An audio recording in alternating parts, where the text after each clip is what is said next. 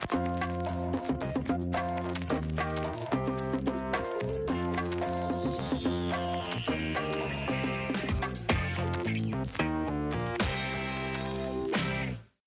ska ni vara till Eurotalk som återigen sitter med en eh, full original upps... Eller full ska man inte säga. Ja, det kan man säga. Halvfull. Halvfull, ja. Har ni börjat med Det det är här? Det här, eh, normaltillstånd ju att vara halvfull. Arga Piccolo har börjat igen?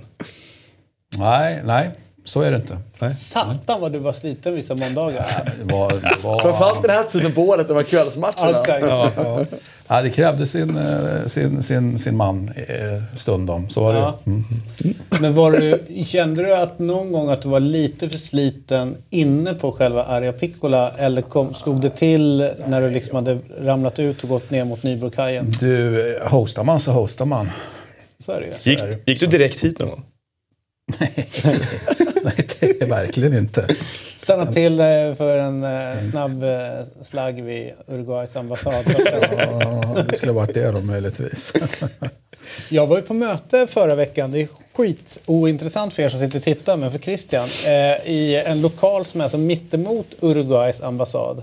Så jag, jag, Fina kvarter där, eller hur? Ja, jättefint. Den gatan. Danderydsgatan. Det är, så att nästan kan jag tänka mig att bo där. Nästan. Ja, den är fin. Eh, men då kunde man titta in, rakt in i Uruguays ambassad. Alltså, och de var ju sjukt eh, chill. Vet du, fönster öppna och du vet, så här, väldigt bra vibe.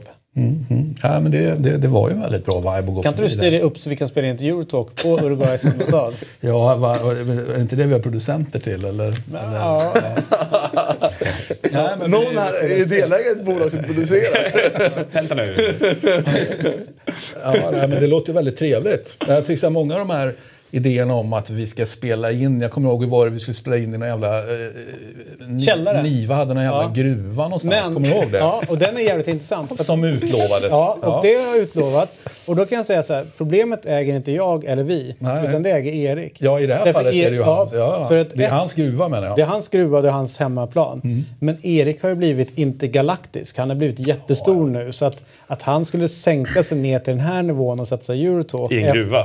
I en gruva. efter Finns att, den här gruvan än så länge? För de har ju typ sprungit på Ja, den det- skiten. Ja, eh, exakt. Ja.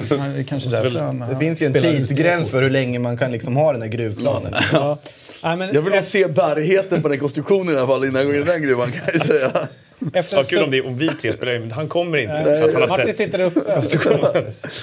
Via Skype. Jag skypar in Martin där. Efter eh, P1-Erik då, som han blivit då. Han körde ju Sommar i P1. Jävlar att jag lyssnat på. Nej, så har han ju blivit alldeles för etablerad för oss. Ja, ja, du ser. Mm. Du ser. Ja. Men Tack i, vårt vare perspektiv till då. att Stenbeck körde Sommar, då lyssnade jag på det. Det tror jag är typ det enda jag har lyssnat på på 20 år eller någonting. Mm. Ja, det är lite överskattat de där sommarpraten som blir... jag tycker det var bättre förr. Nu är det bara en massa jävla självömkan och skit. Ja, Det är alldeles för mycket narcissism i alla fall, med brist på självinsikt. Mm. Det är ett genomgående inslag. Och att de tror att någon in- grej är väldigt, typ den här diskussionen vi har nu, att det är väldigt intressant för några andra än, än för Nej, men kan inte du berätta om eh, din traumatiska barndom? Och eh, Ja, hur du har, vilka hinder du har överkommit på vägen för att ta Sigtuna, Guldskeden. Ja, precis. Nej, det var inte lätt att växa upp i Sigtuna. Med guldskeden. Nej, så kan det Du vara. har ju ett sommarprat klart. Ja, jag har ju det. Ja, ja, precis. Och så kopplar det till Lundsberg. Då är det ju... Då är det Jag kommer ihåg när jag stod på stocken och de puttade mig bakom. Man fick inte göra det egentligen. Ja, ja, så kan det vara. Europatipset eh, drog vi igång en tävling eh, som vi har eh, mot, eh, mellan varandra och sen så kan ni bag, backa oss. Det blev inga 13 rätt i helgen. Jag tror att några eh, läs... Några hade 10. Och sen så är det eh, Gusten som hade en extremt hög svansföring i torsdags. Det kan vi väl lugnt säga. Och eh, vi pratar ju skamgränser och sånt också tror jag i torsdags. va? Vad, vad, är det liksom, vad, är det, vad måste man absolut ha? 10.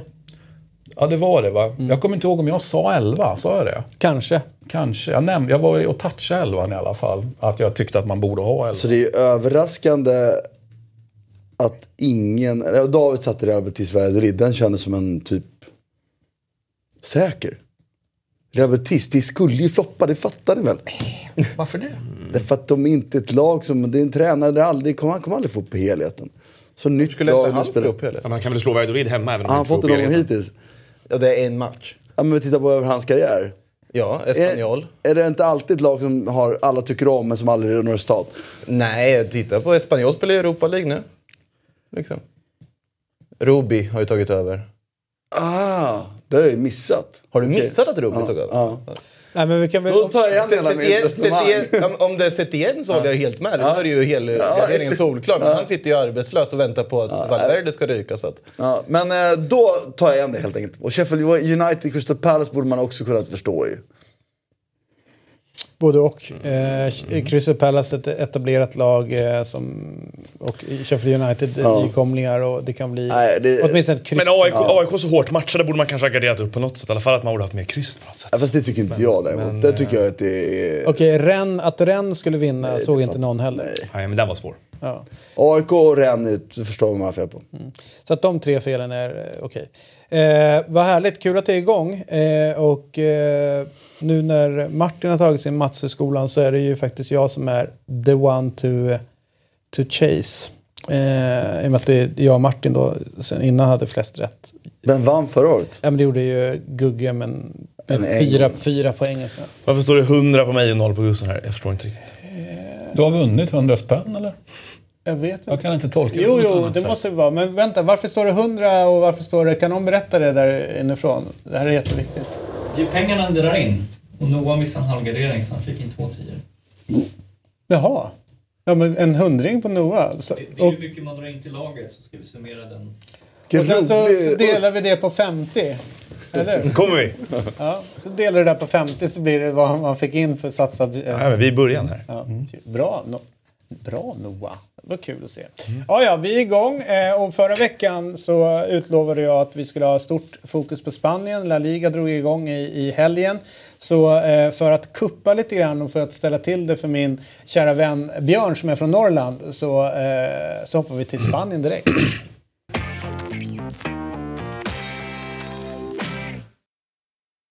Chockad. Vad, vad händer? Ny bumper också. Vad händer? Ja, vad Det händer? här har ju faktiskt hänt förut. Vi- Ja, visst. Ja, men, Ja, Det, det, hänt, det har inte hänt ofta, men nej, det har nej, hänt. men det har Ja, men, hänt. har det hänt? vi veteraner har ju varit med om det förr i alla fall. Ja, men jag var så här, helt inställd på att sitta och liksom prata John Lundström nu. Liksom, och, och var inne Det, kom, det kommer en tid för honom också. Ja, det gör det. kommer tid för Bruce med. Det kommer tid Sorry. för alla. Du, eh, Man, har, man får lämna honom en gång per person. Det Okej. var en eh, magisk eh, kväll på Samames eh, Bilbao. Athletic Club Bilbao tog emot Barcelona, två separatist... Eska eller eh, mentalt eh, separatist eh, som grundade klubbar ställs mot varandra där det egentligen inte brukar vara någon nå direkt beef utan det brukar vara att de på något sätt förstår varandra. Eh, och det var en match som jag tycker var ganska intressant ur, ur rätt många olika eh, synvinklar. Om man börjar med Bilbao och det sätt som de spelar sin fotboll och, och eh, någonstans så slår det mig i den här galna världen med mer pengar och, och den här sommaren som Martin var taggad inför eh, för alla liksom, värvningscirkusen, vad, vad kommer hända och spelet går fram och tillbaka. Så håller de fast vid sin värvningspolicy. Eh, och 2019, att det fortfarande funkar. Alltså, jag, jag satt under matchen och tänkte, hur är det möjligt att Bilbao lyckas år ut och år in? För att Med- basken har så pass bra fotbollsspelare på säga och det finns en ära för alla baskiska spelare på något sätt spela i atletiklubb. Bra ungdomsverksamhet, leder fortfarande långt och så vidare. Och sen är det ju en klubb som om du ska köpa loss en spelare, om du har en duktig spelare, då kostar det väldigt mycket för att du måste antagligen betala en utköpsklausul för att de kommer inte sälja i annat fall. Så att det, de är bra på att behålla sina spelare, de är bra på att också locka hem när det är vissa liksom duktiga baskiska stjärnor som på något sätt är utomlands och kanske vill varva ner. Så de är väldigt bra på att vara där, locka hem dem. De har ju pengarna från alla försäljningar, så att de, men de kan inte spendera dem på spelare på samma sätt. Så de kan betala väldigt bra löner också. Och ja, vi kommer väl in på det, men det är intressant det här vad de har gjort nu om man tittar på hur de förändras. tänkte vi kommer till det Precis, strax. det kanske vi gör. Men för, för grejen är att jag vet att Martin någonstans eh, reagerade lite grann på, på det här att de, att de kör bara basker. Och, och, alltså det finns någonting som kan, en del kan tycka lite shady med det. Eh, och då börjar jag tänka så här, vilka andra, eh, om man säger... Eh, Du menar att jag bara, jag bara belyste det faktum att det är, är egentligen en slags rasism? Och du, och du har ju inte belyst det i singular heller, utan det där har du sagt eh, Jag tycker det är lite roligt. typ fem gånger. eller Absolut. Och jag personligen har inget emot... Jag, jag tycker bara att det är roligt att det är sån folk som är väldigt korrekta i andra, andra avseenden hyllar det här utan att, att bakvänt tänka på det, att det faktiskt är en rasism. Sen har jag inget problem med det. Jag, bara tycker, jag tycker det är så roligt att folk Diskriminering det. snarare än rasism. Ja, kanske då. då. Men, Men, ja, men det, det men- går hand i hand ibland. Liksom. Men här, här tror jag också, jag, jag håller med i den tanken att det finns ju en viss... Och det är ingen sån- viktig tes, men du, jag tycker bara det är så roligt att folk Nej, men- Nej, upp. men- Ja, det är det som är roligt. men hur många basker finns det i världen ungefär? Ska man, är det någon som har koll Men det på finns det? ju en viktig detalj tror jag, när man just pratar om det där som Martin säger att i Bilbaos fall så måste du inte nödvändigtvis vara liksom född bask. Du ska Det, ha någon det finns någon form av, du ska ha någon form av koppling eller någon form av... Liksom, det, Blodsband måste det vara på något sätt. Jag vet inte ens om det måste vara rent blod. Det kan vara lång, långväga släkt och så vidare. Det kan vara att du har vuxit upp i landet, finns, liksom i basken och så vidare. Det finns ju många olika sätt du kan vara bask enligt dem. Och på så sätt så kommer man i mitt tycke på något sätt undan den här liksom, liksom rasismen. Men låt oss inte diskutera Alltså- det. Det är helt. Nej, men, ja, men jag, jag håller ju med. Ja, men jag håller med i det Nej, men, vänta, det, intressant finns och sådär. anledning till att jag kom in och började fundera lite. Vilka andra typ, alltså så här, grupper eller eh, regioner skulle kunna få ett slagkraftigt lag, lands, eller klubblag om de bara valde... Alltså, låt säga att eh, i det här laget får bara eh, muslimer spela, inga andra. Och eh, de, ska, de ska tillhöra shia, det ska vara shia-muslimer. Alltså, låt säga så. Eller det här laget får bara judar spela. det är urvalet Eller här, större än. Men, menar, vi, har väl, vi, har väldigt många klubbar i Sverige som har den typen av liksom etnisk inriktning och så Ja, vidare så också. om man tittar i seriesystemet upp och ner så finns det jättemånga för folk som bara är födda på Balkan eller syrianer eller som säger om det är judar eller muslimer eller somalier eller vad som helst i Sverige. Så att det är liksom inte, för mig är inte det, det är inte unikt, det blir unikt på den här nivån och det unika är väl att de lyckas hålla sig kvar på elitnivå trots att de har begränsat sig på det här sättet. Det är väl det som är... Och också därför såklart de skriver här jättelångt kontrakt med Jackie William. För att de vet att det är väldigt svårt att nå, få den typen av spetskompetens, spetstalang. Det får inte de fram i varje kull. De får fram det då och då. Den typen av talang måste de knyta till sig väldigt hårt och starkt. Men det, men det också varit... Sen finns det, finns det ju så här, en stoltheten gör ju också, man ska komma ihåg det, vilket ni säkert det du menade, men, men, eller nämnde här med förbifarten, att stoltheten att, att företräda den här klubben gör ju också att de handlar ju billigare på marknaden än vad andra. Om ni förstår vad jag menar. De behöver inte betala lika mycket för talang som andra behöver göra. För den talangen som finns tillgänglig kommer vara billigare. Men, men fantastiskt, Men- men det är fantastiskt stoltheten att bli företrädd också av en av the local Ja. guys är, är ju helt Ja, underbar. Ja, men det är Och som det ett, är, ett precis, jag tycker man ska dra, eh, förvärv. man måste dra parallellen till, utmaning. till landslag för dem också därför att det är ju det det handlar om på något sätt. Mm. Så att hade de haft ett landslag som tävlade på samma sätt så kanske Bilbao inte hade... Alltså, typ, eh, det, det här får ju förkroppsliga en tankar och den här romantiken de har kring det här på något sätt. Så att, eh, sin självständighet och sin vilja att vara minoritet och att de är på olika sätt. Så att det handlar om det också. Möts inte Bilbao och Katalonien ibland i landslag? jag tänkte alltså, säga att de Bas- gör Basken, Katalonien har ju så här inofficiella Ja, landslag. men det är inofficiella landslag. Ja, men det, Vad innebär oftast Katalonien? Gör inte det? jo, det borde de väl göra. Men- Alltså, Vilket är en annan sån Ja, det, region det, som om, om Barcelona skulle gått och sagt vi har bara katalaner i vårt lag så klart de också skulle kunna hålla sig kvar i högsta ligan. Men, men Bilbao har väl producerat överlä överlägset flest, Atletico har eh, producerat överlägset flest spanska landslagsspelare genom tiderna tror jag.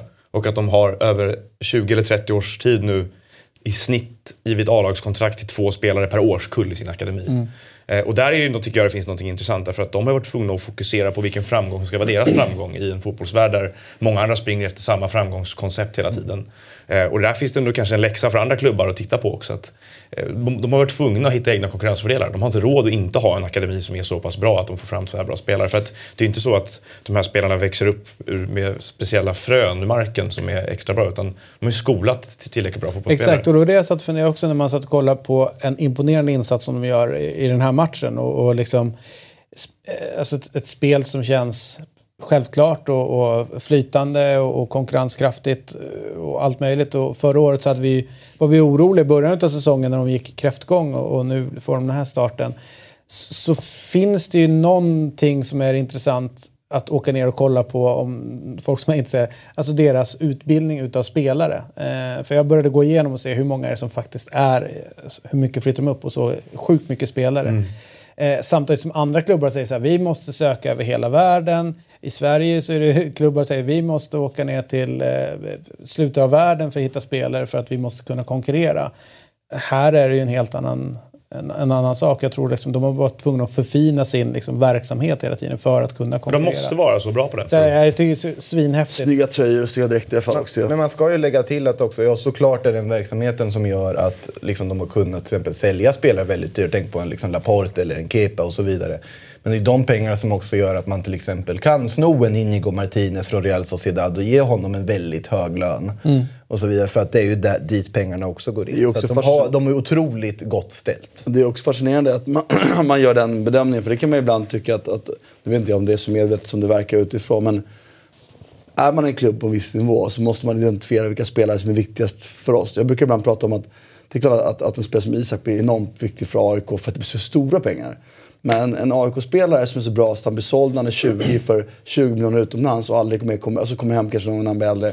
Är inte lika värdefull som en spelare som är snäppet under men blir kvar, typ Per Karlsson. Och det är väl det som du pratar om, man köper från Sociedad en spelare som de vet kommer bli kvar i vårt lag. Laporte släpper dem. För han är för bra för oss. Honom får vi betalt för det här, lägger på spelare som kommer spela resten av vår karriär. Adorisian som, typ, som är kanske precis att Adoris skulle kunna spela med de bästa, men inte självklart. Jag, jag, säger inte att, jag säger inte att det är medvetet, men det är så de måste tänka och så de vara väldigt skickliga på att det verkar som att de tänker. Och lägga en utköp. Nu, nu jobbar man ju för sig på ett sätt att man har börjat förhandla bort utköpsklausuler i kontrakten. Och det innebär ju en väldigt hög lön om man ska kunna ta bort en utköpsklausul i, liksom, i Spanien där det är nästan obligatoriskt att ha en.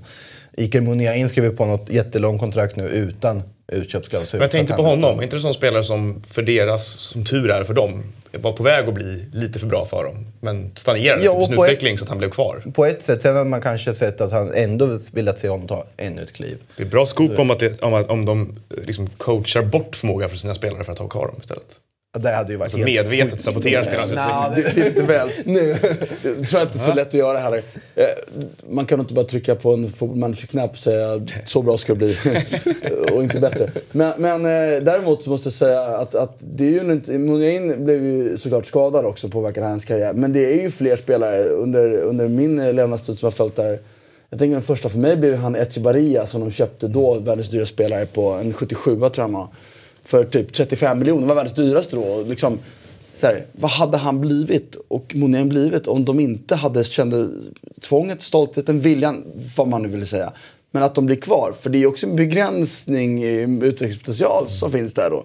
Monain är en typisk sån spelare som kanske inte hade blivit bättre för skadorna förstörde. Men så bra som han var när han slog igenom. Hade han spelat i Real Madrid som nästa steg. Då kanske han hade varit en världsstjärna. Alltså, Där kan man ju fråga sig samma sak om typ så här Francesco Totti i sånt fall. Absolut. Det, men på, på så Visst sätt, det. så det, det där är ju också... Att då Roma då är ändå ett lag som vann ligan och tävlade. Och, Ja, Bilbao var, Atletic under en period var ju ändå ett lag som också tävlade liksom. men var länge sedan de Ja, hade det var några år sedan. Men de Jag var- minns dem på 80-talet som ett lag som kunde vinna. Inte sen dess. Liksom. Eh, för oss som satt och kollade på matchen då, så jag, jag tänker att vi kommer till Barcelona alldeles strax. Det jag skrivit ner som nya Barcelona på något sätt. Man fick se liksom glimtar utav framtid i det hela. Så är det ju det här målet utav den spelaren efter det inhoppet. Alltså det är Mm. Ska man förlora ska man förlora på det sättet. ja, och vad är, vad, vad är det han håller på med egentligen? Alltså, Makoto? han är ju... Ja, det är svårt att beskriva Arizadoris ändå liksom. Han har redan annonserat att det är hans sista säsong. Och han 38 nu. Eh, har ju varit med länge, inte nödvändigtvis bara i Atletic, utan han har ju varit runt i ganska många olika klubbar. I Mallorca, i Valencia och så vidare. Han eh, var i Norrköping en sväng, vet jag, 2010, när Mallorca var där. Var en sån sak.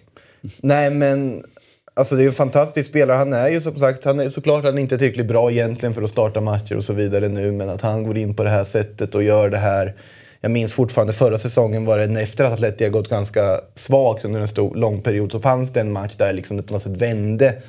Jag för mig att det var Girona man mötte i den matchen. Man får en straff i slutet av matchen och där Adoris går upp i, på övertid och ska ta straffen och chippar och gör mål. Att då ha den kylan i det här läget tänkte jag på. Det. Och det vände på något sätt deras säsong lite. Att de började få liksom... Och nu det man såg idag, var, ju- eller i, Fredags. i fredags till och med, var ju ett San Mamés som var som San Mamés igen. Det var ett Atletic som är svåra att möta på deras egen hemmaplan. Som vilket lag som helst skulle ha problem med att hantera. Så har det inte varit på jättelänge känns det som.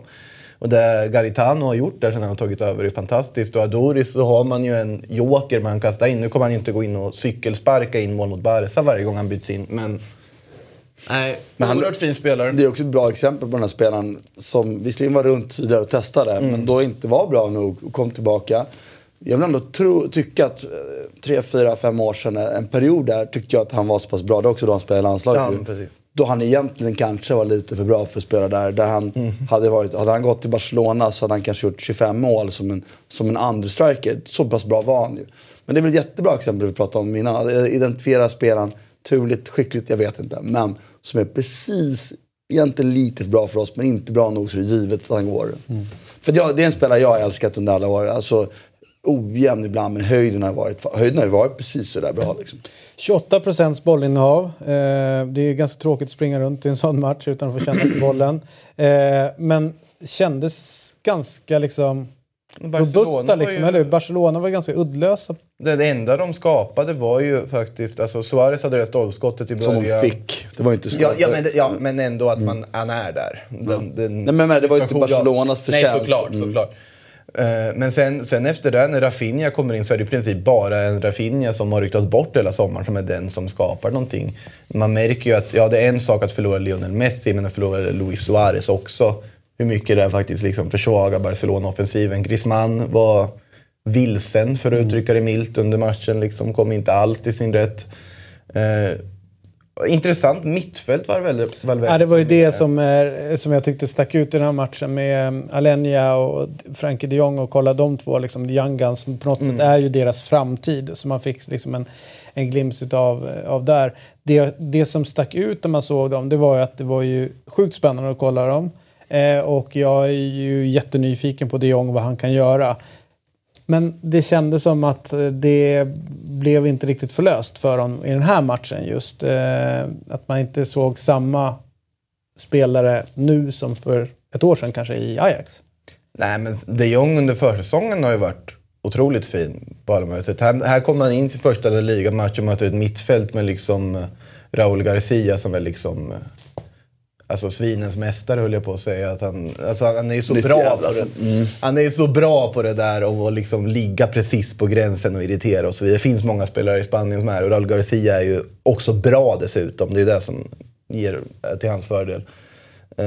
Och det är ett tufft mittfält att möta, en tuff match att gå in och debutera i ligan på. Jag tycker ändå Frenkie sköter det som man kan förvänta sig. Han gör ju inte bort sig på något sätt. Men samtidigt så måste det ju finnas någon sorts leverans framför honom också. För han, han sjunker ju väldigt ofta ner i sin egen backlinje och börjar hämta boll och så vidare. Precis som han gjorde i Ajax. Och tar inte alltid kanske det enklaste alternativet men brukar ändå lyckas lösa det på något sätt. Med något.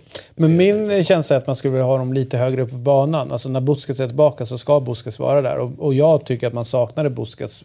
Det du, Varför brukar startar prata, inte han för? det, du brukar, Ja, det var någon idé Valverde hade fått. det du pratar om med Jorginho till exempel. Alltså du vet de här passningar som egentligen ingen tänker på på fem meter men som blir en katalysator. Alltså de hade inte den i den här matchen. Och jag tror att om eh, de Jong skulle kunna få bollen lite högre upp med sin skalle och sin passningsfot kunna sätta bollar på Dembélé eller Griezmann eller vilka det nu kan vara så tror jag skulle kunna få ut lite grann mer.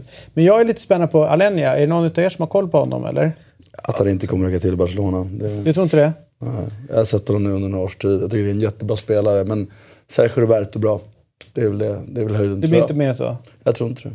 Jag håller väl med. Jag ser inte en sån hög höjd på honom. Jag ser ju att han sitter på ett lån i Sevilla eller något i någon, ett eller två år. Alltså, Men, men det är också trångt i det jävla mittfältet. Alltså, nu var ju inte Artur och Arturo Vidal eh, matchfitta. Så ska Och, eller Busquets som inte är med heller. Så Så att, det, så det är inte heller tacksamt, även om han då kanske besitter större potential än vad jag tror nu. Då, så, så, han kommer få väldigt begränsade sp- spel. Eller allt annat vore ju en tjänstefel om man har den gruppen man har. Liksom. Jag tycker bara att om man, det finns ju makrosätt att se matchen och mikrosätt att se på dem. Om man mikrodetaljerna, jag håller ju med dig om att Frenkie, och jag håller med dig Frenkie de var grym när jag sett honom på försäsongen. Men han kanske inte i den här typen av match ska spela där bak. Därför att han tar ju lite mer touch. Busket släpper, så det blir lite snabbare spel med busket. Och Frenkie kanske behövs istället för att han ska göra de här dribblingarna när han är duktig med bollen i, i, i lägen där det faktiskt kommer till konkreta målchanser. Inte när man löser situationen i mittplan i den här typen av match. Så tycker jag ju Eh, att det finns eh, ursäkter med att Roberto och, och eh, Arena spelar borta mot eh, Atletico Bilbao. Det är ju en svår match. Liksom. Med bästa laget hade det varit en svår match. Så det tycker inte jag är ett problem. Men sen ser man det här makroperspektivet igen och det är ju spelet. Spelet är ju inte vad det var. Nej, och det var det är som liksom, jag vad satt och reagerade på också. det- Han hade ju- har förändrats. Nej, han hade Alltså, ju chansen en på sommaren att göra någonting. nu. Eller för att liksom på något sätt... Han skrev på det här ettårskontraktet. Det, var ju- det, är det är nog en waiting game någonstans. Men jag känner ju att liksom, den här starten, det som hände förra säsongen, det är klart att allting läggs ihop. Valverde, tror- ser han julen som tränare för Barca? Jag är fortfarande mycket till att de sparkar under säsong, får jag intrycket av. Att det är olikt dem att göra förändringar mitt i. Men eh, jag är inte alls säker på det, nej. Men du säger absolut. Ja, men klart att han sitter den här säsongen. Det, det är ju precis som du säger och som jag har sagt tidigare att det är en waiting, waiting game. Vem, vem ska ta över? Och det är fortfarande inte utkristalliserat. Eller så är det precis det det är. De vet exakt vem de vill ha. va. Men det känns ju kanske inte riktigt som att de... Vem är, tror du? Ja, alltså, av de som finns lediga så låter väl, och om man tittar på, om mot all förmodan Bartomeu skulle följa vad många fans vill, så är det ju Kike Setien som sitter där ledig. Jag tror ju inte att Kike Setien hade passat så bra. Jag vet, har för mig, Martin håller väl inte riktigt med mig där och snarare tror att han skulle passat. Hellre än Valverde säger jag. Men Ja. Men med det? det är väl det som känns som det logiska alternativet. Sen så tror jag att Barcelona... Varför tror du att det skulle vara... Eh, Han, han, han, ut- hans spelfilosofi är ju i princip den spelfilosofi Barcelona vill se. Liksom passningsorienterat, snabbt, levande, kreativt. Problemet jag tror med Setien att han, jag tycker han är begränsad som tränare så jag tror inte att det är rätt alternativ. Men det är nog ett alternativ som är tänkbart i det här läget. Om. Men det ska ju till att det kommer riktigt dåliga resultat på rad innan liksom Valverde skulle ryka. För Valverde, Bartomeu har ju uppenbarligen ett extremt förtroende för Valverde. Eller Messi, det vet vi inte. Men jag tycker att, att jag tror inte heller att han får sparken. För det skulle, alltså enda chansen att han får sparken, det är att det skulle vara så dåligt. Alltså det skulle vara dåligt beyond belief. Med den truppen är det omöjligt. Alltså vem som helst kan ju få upp den truppen och vara med och slåss, vara med i racet i vinter. Då kommer man aldrig sparka honom. Alltså det här är, jag, jag kan inte minnas att jag i modern tid har sett en ansamling av så mycket bra fotbollsspelare i ett lag. Någonsin. Inte någonsin. Så alltså, det här laget ska gå dåligt i år, det, det håller jag för osannolikt. Att de ska slå ett lag som City, med tanke på vad City höjden City visar helgen. Men då kommer det inte räcka med bra spelare, då måste ha ett spelsätt också. Eller en Messi som är över jävligt bra ett sånt dubbelmöte om det skulle dra sig till det. Och det, det, det tror inte jag. Så att, de, jag tror så här. Jag är inte säker på att de vinner ligan. Jag är som Christian är på. Jag tror att han är, är kvar året ut. Eh, jag tror att, att vi, jag, jag kommer sitta här och ondgöra mig om det här spelet över hela året. För det är precis Tror jag det. Jag, jag ser precis samma sak. Man- Det ser inte en tendens till en, en förändring av spelet. Det handlar fortfarande om individerna. Eh, li- Lite positioner och släpper bollen. Men det finns ju inget annat. Det är ju Rafinha som kommer in och gör någonting annat helt plötsligt. Ja, och, och, han kommer inte spela, eller han kommer inte alltid vara så bra. För då skulle han ju, eller jag hoppas, det vore ju fantastiskt om han skulle vara det. Men, men så det, vi är tillbaka, det har inte hänt någonting egentligen. Och det, det är ju så ledsen. Och sett igen, nej, han är inte den tränaren som skulle vinna allt med dem. Men med honom skulle de ha ett så bra, bra grundspel. Och sett Jens lag har haft problem med att det är nästan lite för naivt, tycker jag. Och så har man haft problem med att konkretisera sista tredjedelen. Men med Barcelona, den, den naiva viktningen blir mindre kostsam har den typen av spelare som Barcelona har. Och den sista tredjedelen löser sig lite själv med de spelarna. Så därför tror jag att han skulle vara ett överlägset mycket bättre val än Valverde. Inte det långsiktiga bästa valet, det håller jag med om. Men jag, jag funderar på, eh, för att du pratar vi om externt tryck och du pratar, Messi är ju såklart en maktfaktor här också. Han verkar gilla Valverde för att han får som han vill ganska Det är mycket. en enda slutsats, Ja, men det, är- så får man ju föreställa sig det i alla fall. Eh, det jag tänker nu är att den rotation de har gjort i truppen i sommar är här med Griezmann in, eh, vars roll jag inte är 100% säker på vad Nej, det ska vara. det men det väl- finns här. ingen roll för Nej Griezmann. men då, jag, jag förstår inte, jag, dels för, rent spelmässigt är jag inte säker på var han passar in exakt sådär. Men dessutom som person så är det också en spelare som eh, tar rätt mycket i anspråk, gör, alltså generellt. Han har ju rätt höga tankar om sig själv och vad han är värd och sådär. Och, och vid sidan av Messi då en till liksom, faktor i omklädningsrummet på det sättet att det kan öka pressen på Valverde under tiden här om det är så att någon av dem inte trivs och det är friktion och bla bla bla. Sådär. Så att det, Men- men- där har han ytterligare en utmaning tror jag framför sig. Men det tror jag inte är någon utmaning. Alltså, alltså att Griezmann skulle ta, så stor plats i det omklädningsrummet, det håller jag för extremt osannolikt. Jag också. Han, är, han har grandiosa idéer om Jo, sig men han har grandiosa men idéer han kommer inte utåt. ha någon, Han kommer inte ha någonting för det, tror inte jag. Han är fransman. Han, ja, ja. Nej, jag håller med Christian. Jag är inte säker på det. Jag tror, jag tror absolut Nej, att men det kan alltså. Dessutom spelmässigt tycker jag Griezmann, absolut att, att han har gjort saker som man absolut inte kan stå bakom och tycker är lite märkligt. Men i spel på plan har han ju alltid varit ganska laglojal, tycker jag.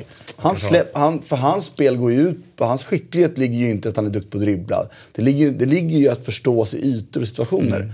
Men jag håller ju med er om att, att det, liksom, det, det, det är liksom ytterligare en... eh, Visst, han kan tillföra ett värde, men pratar vi nyttan, med den här marginalnyttan på den här spelaren, så är den så här stor. Ja, men är de här är pengarna. krock- krocken som finns i Barcelona just nu, det ser man ju att man, man beter sig i princip som Real Madrid gjorde Exakt. Under liksom, alltså första Galacticos-eran.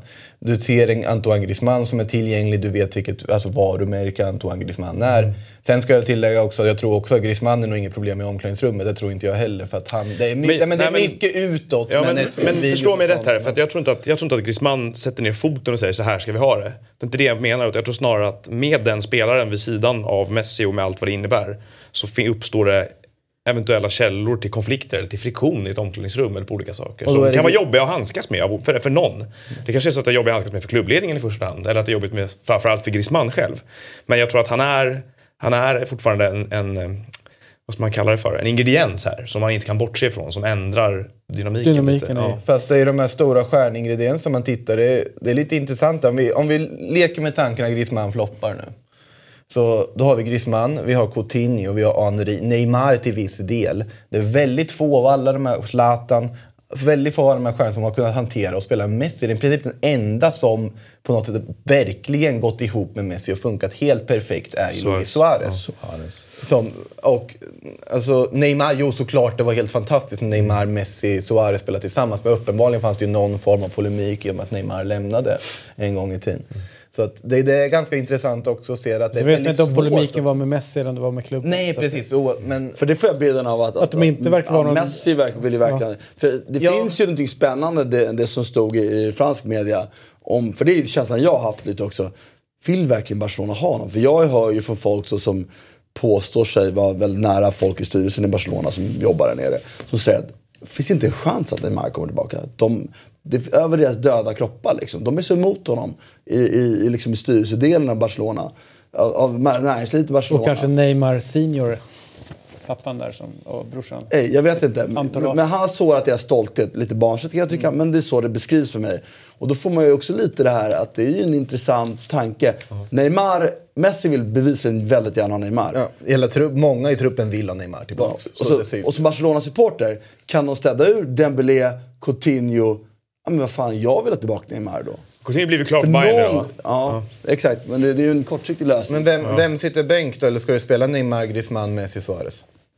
Då skulle jag spela Neymar, Suarez och Messi. Och så skulle Griezmann få agera den som inhoppare. Den. Jag tror att problemet, det, känns ju logiska, men problemet på något sätt är att den här Griezmann-dealen den blev ju såklart klar tidigare än i somras. Den blev Åh, ju klar någon gång i mars naturligtvis. Men det vill ju naturligtvis inte Barcelona erkänna. Inte rent juridiskt kommer den vara klar efter sommaren, men rent faktiskt. Ja. faktiskt. Att, ja, men det vill ju inte Barcelona ens liksom lyfta eller tänka på. De, de kommer säga att vi värvade Griezmann under sommaren, punkt.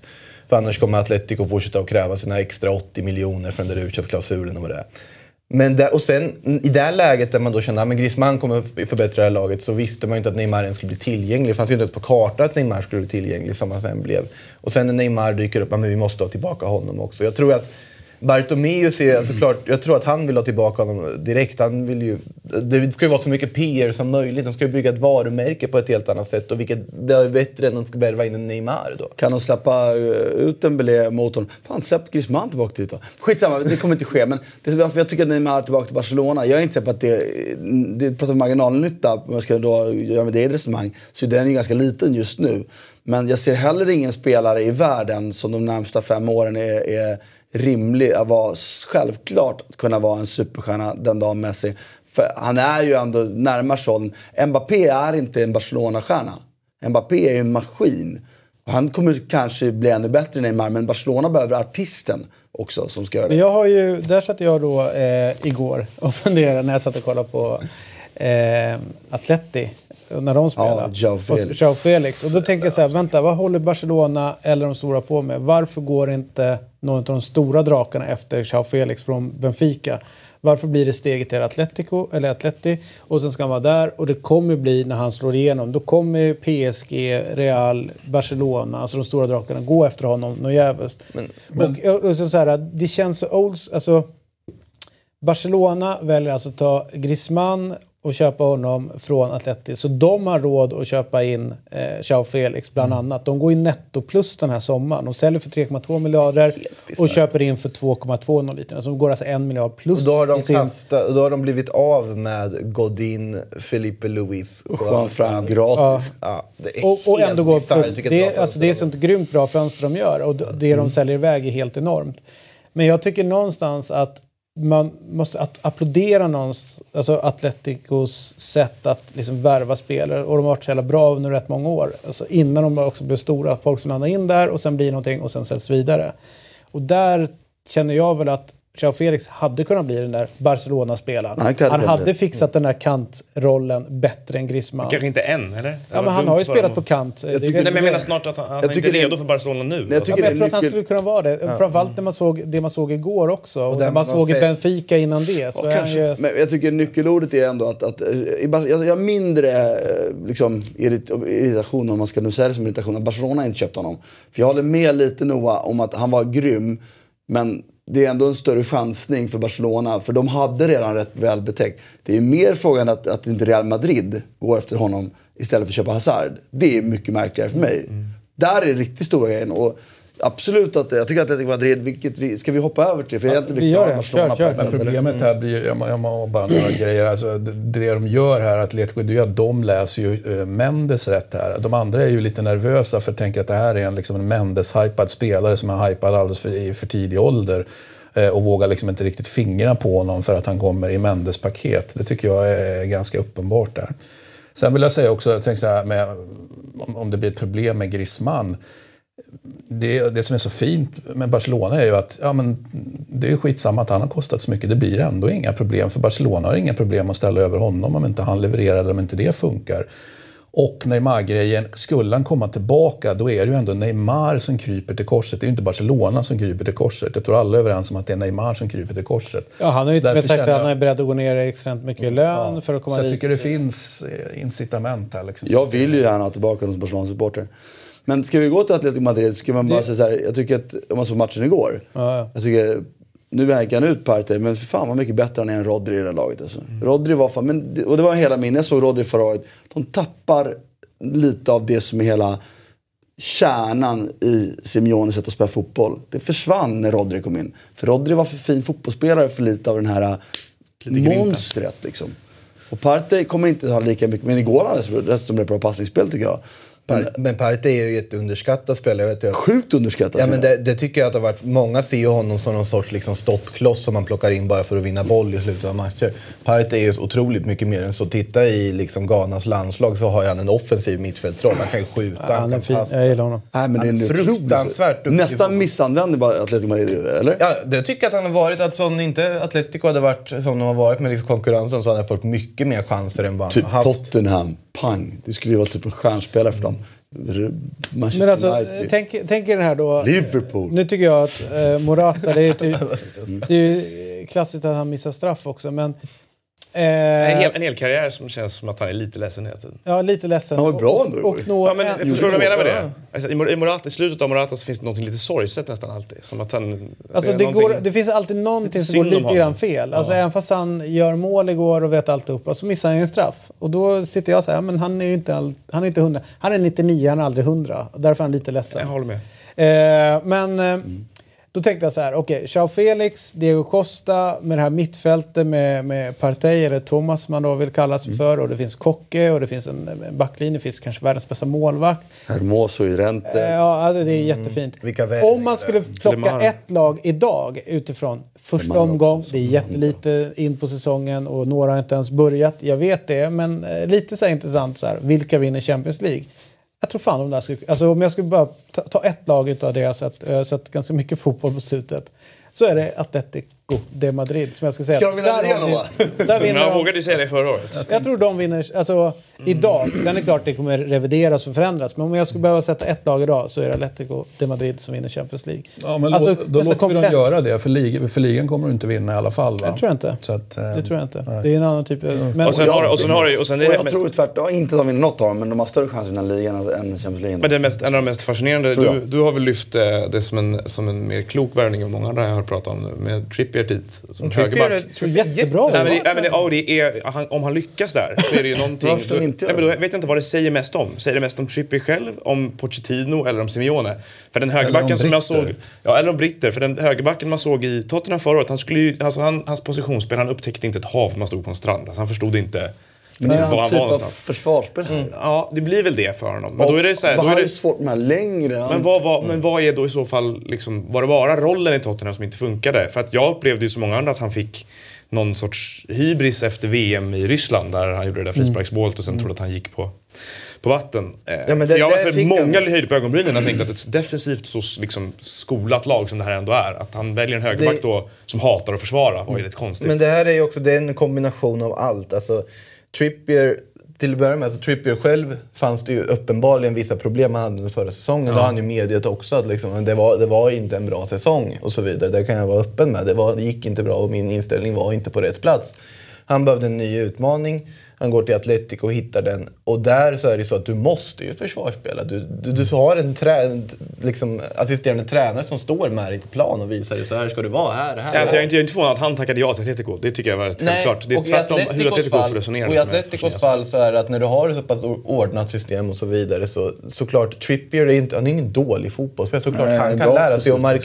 Såklart han kan lära sig markera och försvara i ett sånt kollektiv så länge han vet sin roll och vet vad han ska göra och är redo att ta det jobbet. Mm. Och Kieran Trippier är idag mer motiverad än vad han var förra säsongen. Är redo att ta det jobbet. Den har den här fantastiska inläggsfoten tillsammans med Exakt.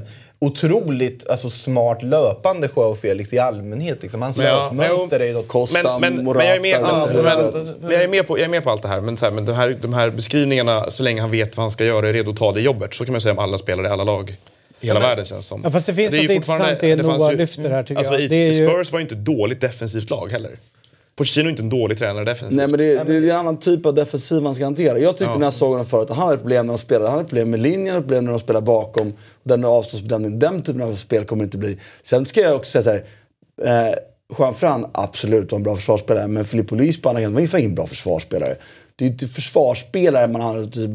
Atletico Madrid spelar ju med två centrala mittbackar som är jävligt rörliga. Mycket rörligare än vad Tottenhams är. De är mycket rörligare ute i korridorerna än vad, än vad Tottenhams tycker jag är. Eh, och de spelade som med två sittande mittfältare, nästan alltid två sittande framför.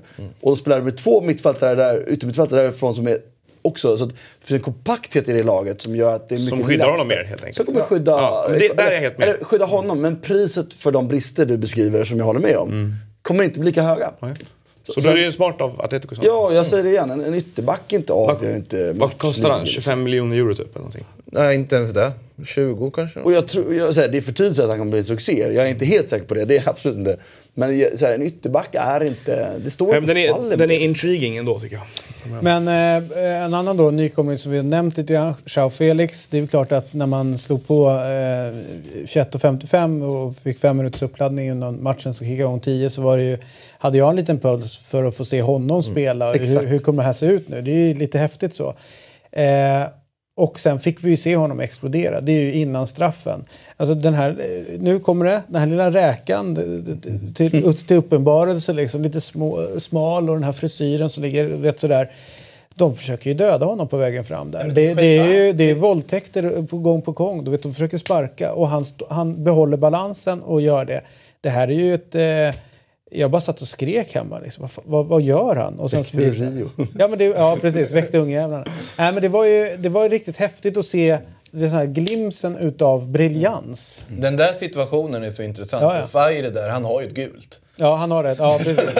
Förstår du paniken? Jag skiter i gult. Den här jävla, den här jävla snubben måste jag stoppa. Med alla... Kanske lika bra att Morata fick eh, slå straffen och missade den här tidigt den här gången. Så nu han får skjuta straffarna också i fortsättningen. Nej, men det var... Ja, men jag, blev, För det tänkte jag lite på. Varför får inte han... Så det är ju ändå liksom... men jag tror att han... Han, han lite upphaussad. Det är bra om han får slå straff eller sätta mål. Göra ett mål. Det är bra för att komma igång. Alltså, man, Såg att han borde tagit den. Såg du Alltså, inte han det? borde Nej. Ja, men såg inte han var på väg bort? Han liksom gick och fiskade lite grann mot straffpunkten, men det var ju liksom lite... Det var andra före. för Ja, Men jag tror också att det där är klokt på något sätt. Alltså att så mycket press som han har på sig, så klart han kan hantera den och så vidare och han får stöttning av laget. Men att att inte kräva allt. Det finns redan så att alla förhoppningar finns redan på den här spelaren. Alltså, låt honom åtminstone kanske inte slå straffar i det här läget då. Att du måste ändå på något sätt skynda Det finns ju ett momentum här som, är, som du ska njuta av. Jo, kanske. Ja, jag... Tänk om han inte mål på tre omgångar och så, så du, vet, du kommer få börja prata direkt. Han är, han är bra, men nu har fyra omgångar och inte gjort mål. Det är bara bocka av den. Därför så här, göra första målet rätt skönt. Då har du bockat av den lite. Nej, När det- man missar den så är ju förlusten väldigt mycket större, tänker jag.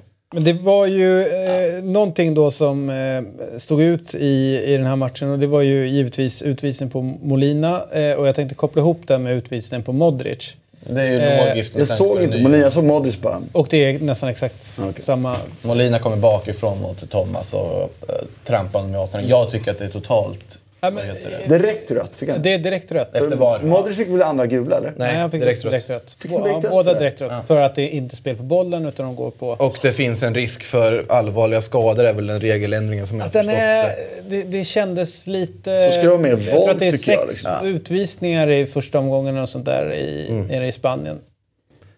Alltså, Det jag, här var väl många som var arga på också? Va? Alltså, att de här utvisning för mig ska vara tolkningen här var grovt. fel. Liksom. Men det här är ju... Modric råkar ju trampa någon sn- snubbe på hälen. Och, och sen är väl att det Molina gör inte snyggt, men... ja, men Moli, vanligt- Molina med, alltså, Ja, här har han, han har ju ingen intention att liksom trampa ner Partey. Han jagar och Ja. liksom Partey gör en vändning och foten ligger kvar och Molina råkar trampa Det där är ju, det där är ju ren och skär oflyt. Ja, och det, Ja, det här precis, åker han på. Precis, det det. Och, Och och då han- finns, det ing, finns det ingen våld, för det är det jag tänkte på Modric då. För Modric tackling, den kan jag ge gult kort för att ta bort det där. Man får, man får helt mäta av bättre, för han är ju sen faktiskt. Ja, ja. Mm. Men det finns ingen, ingen, ingen, ingen kraft i hans tackling heller.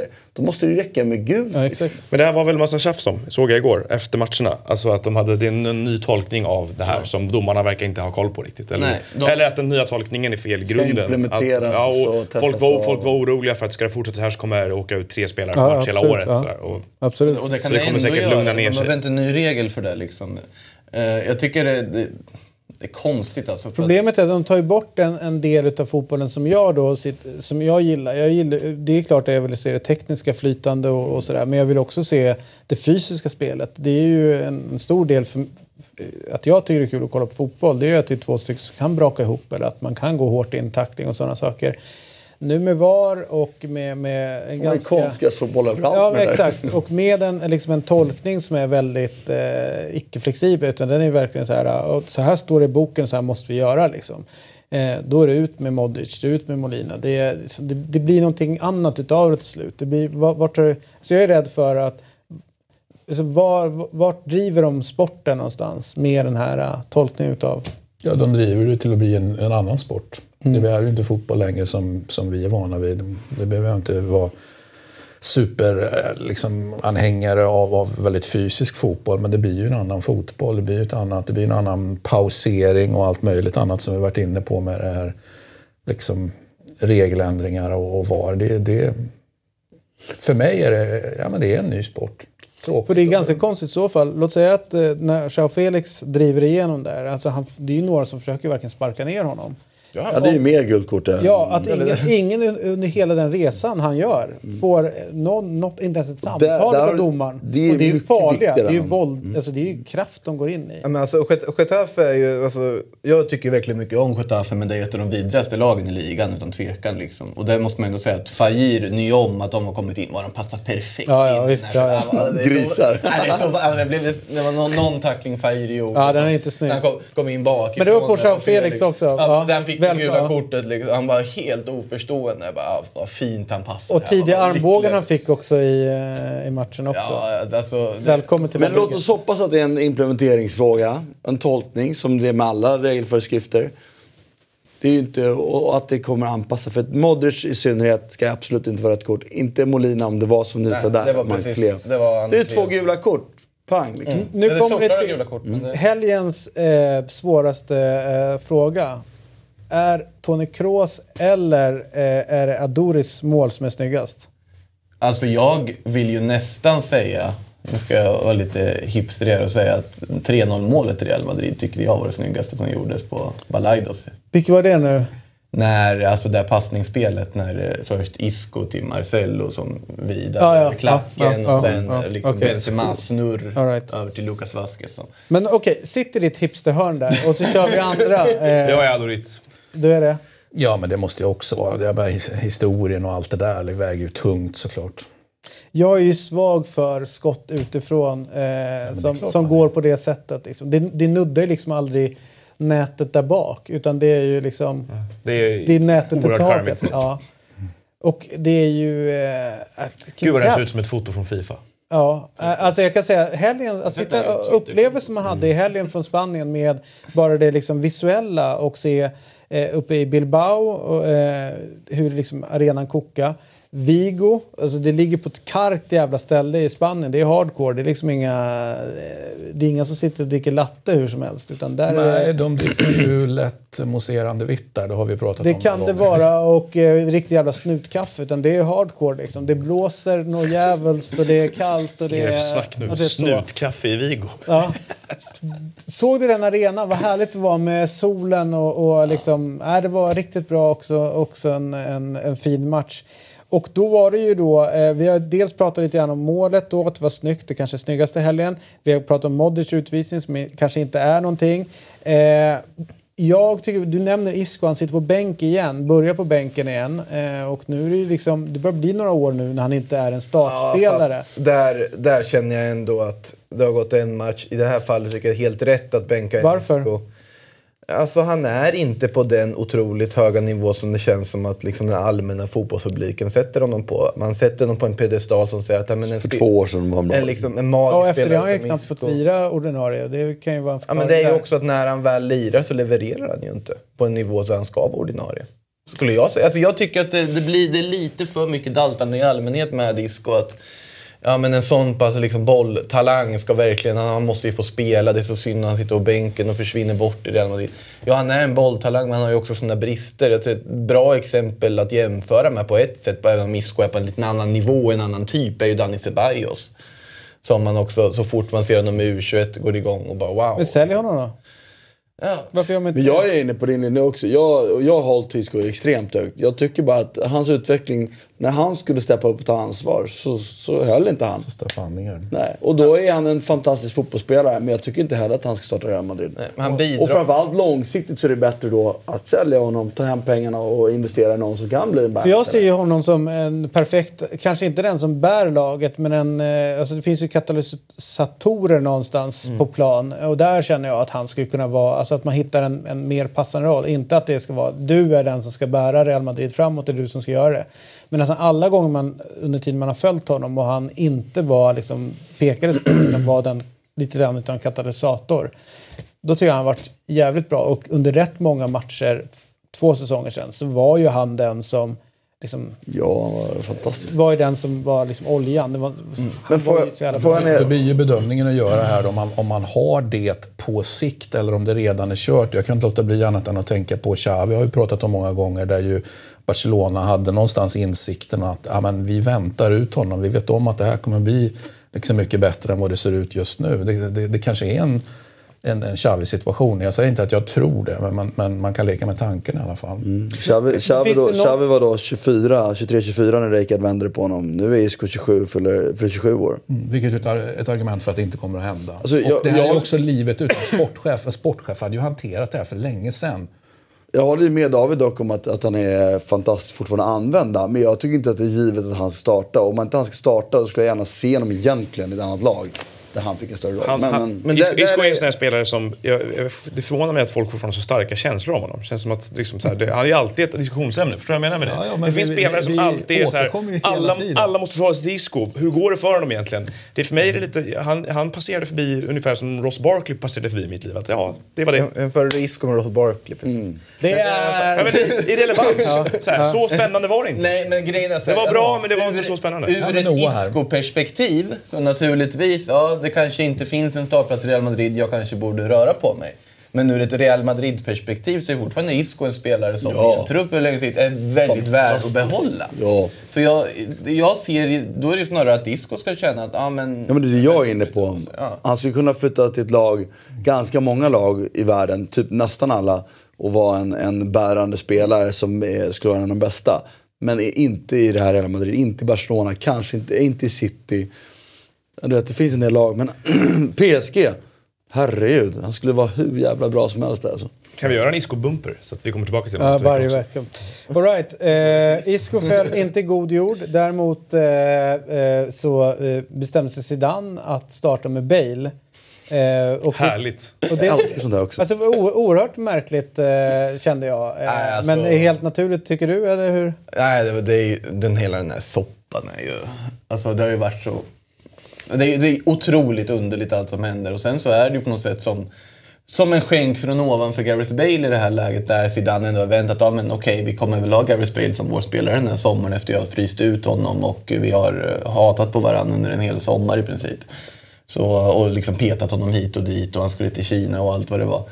Att vi ändå, han sitter där, okej, Gareth Bale är en spelare som jag räknar med i truppen och räknar med alla att de kommer leverera som är kvar, sa han ju. Och sen så blir Eden Hazard skadad. Och okej, vad ska man ställa upp med? Ja, Benzema, Jovic, Isco hade varit ett alternativ, men då hade man ju ändrat lite rent taktiskt. Ett annat alternativ hade varit att köra Benz och kanske Lucas Vasquez till höger. Men han kände väl att ja, men Gareth Bale, det kanske är rätt att kasta in honom med den motiveringen han kan ha att liksom visa upp sig. För Gareth Bale förstår ju också att jag kommer att sitta kvar här. Ja, och han vill nog inte bara spela golf, som många kanske tror. Och här visar han ju att... Är han jag- bra? Va? Vet, vet du vad han har i- i i handikapp? golf? Alltså, jag vet inte riktigt vad han har. Han spelar ju på väldigt många fina banor och sånt, men det är ganska enkelt att få gå. Det är ingenting. Jag spelar på, jag säga spelar det. på Brohof så att det är... Ja, men jag tänkte mer så här, liksom stora majorbanor och och sånt. Men det kan väl vem som helst också få gå en, gå en nio hål där. Eh, även Bale är ju den bästa spelaren Real Madrid har i första halvlek också. Han visar prov på lite, men visar liksom vilja, springer, löper, ligger bakom första målet och så vidare.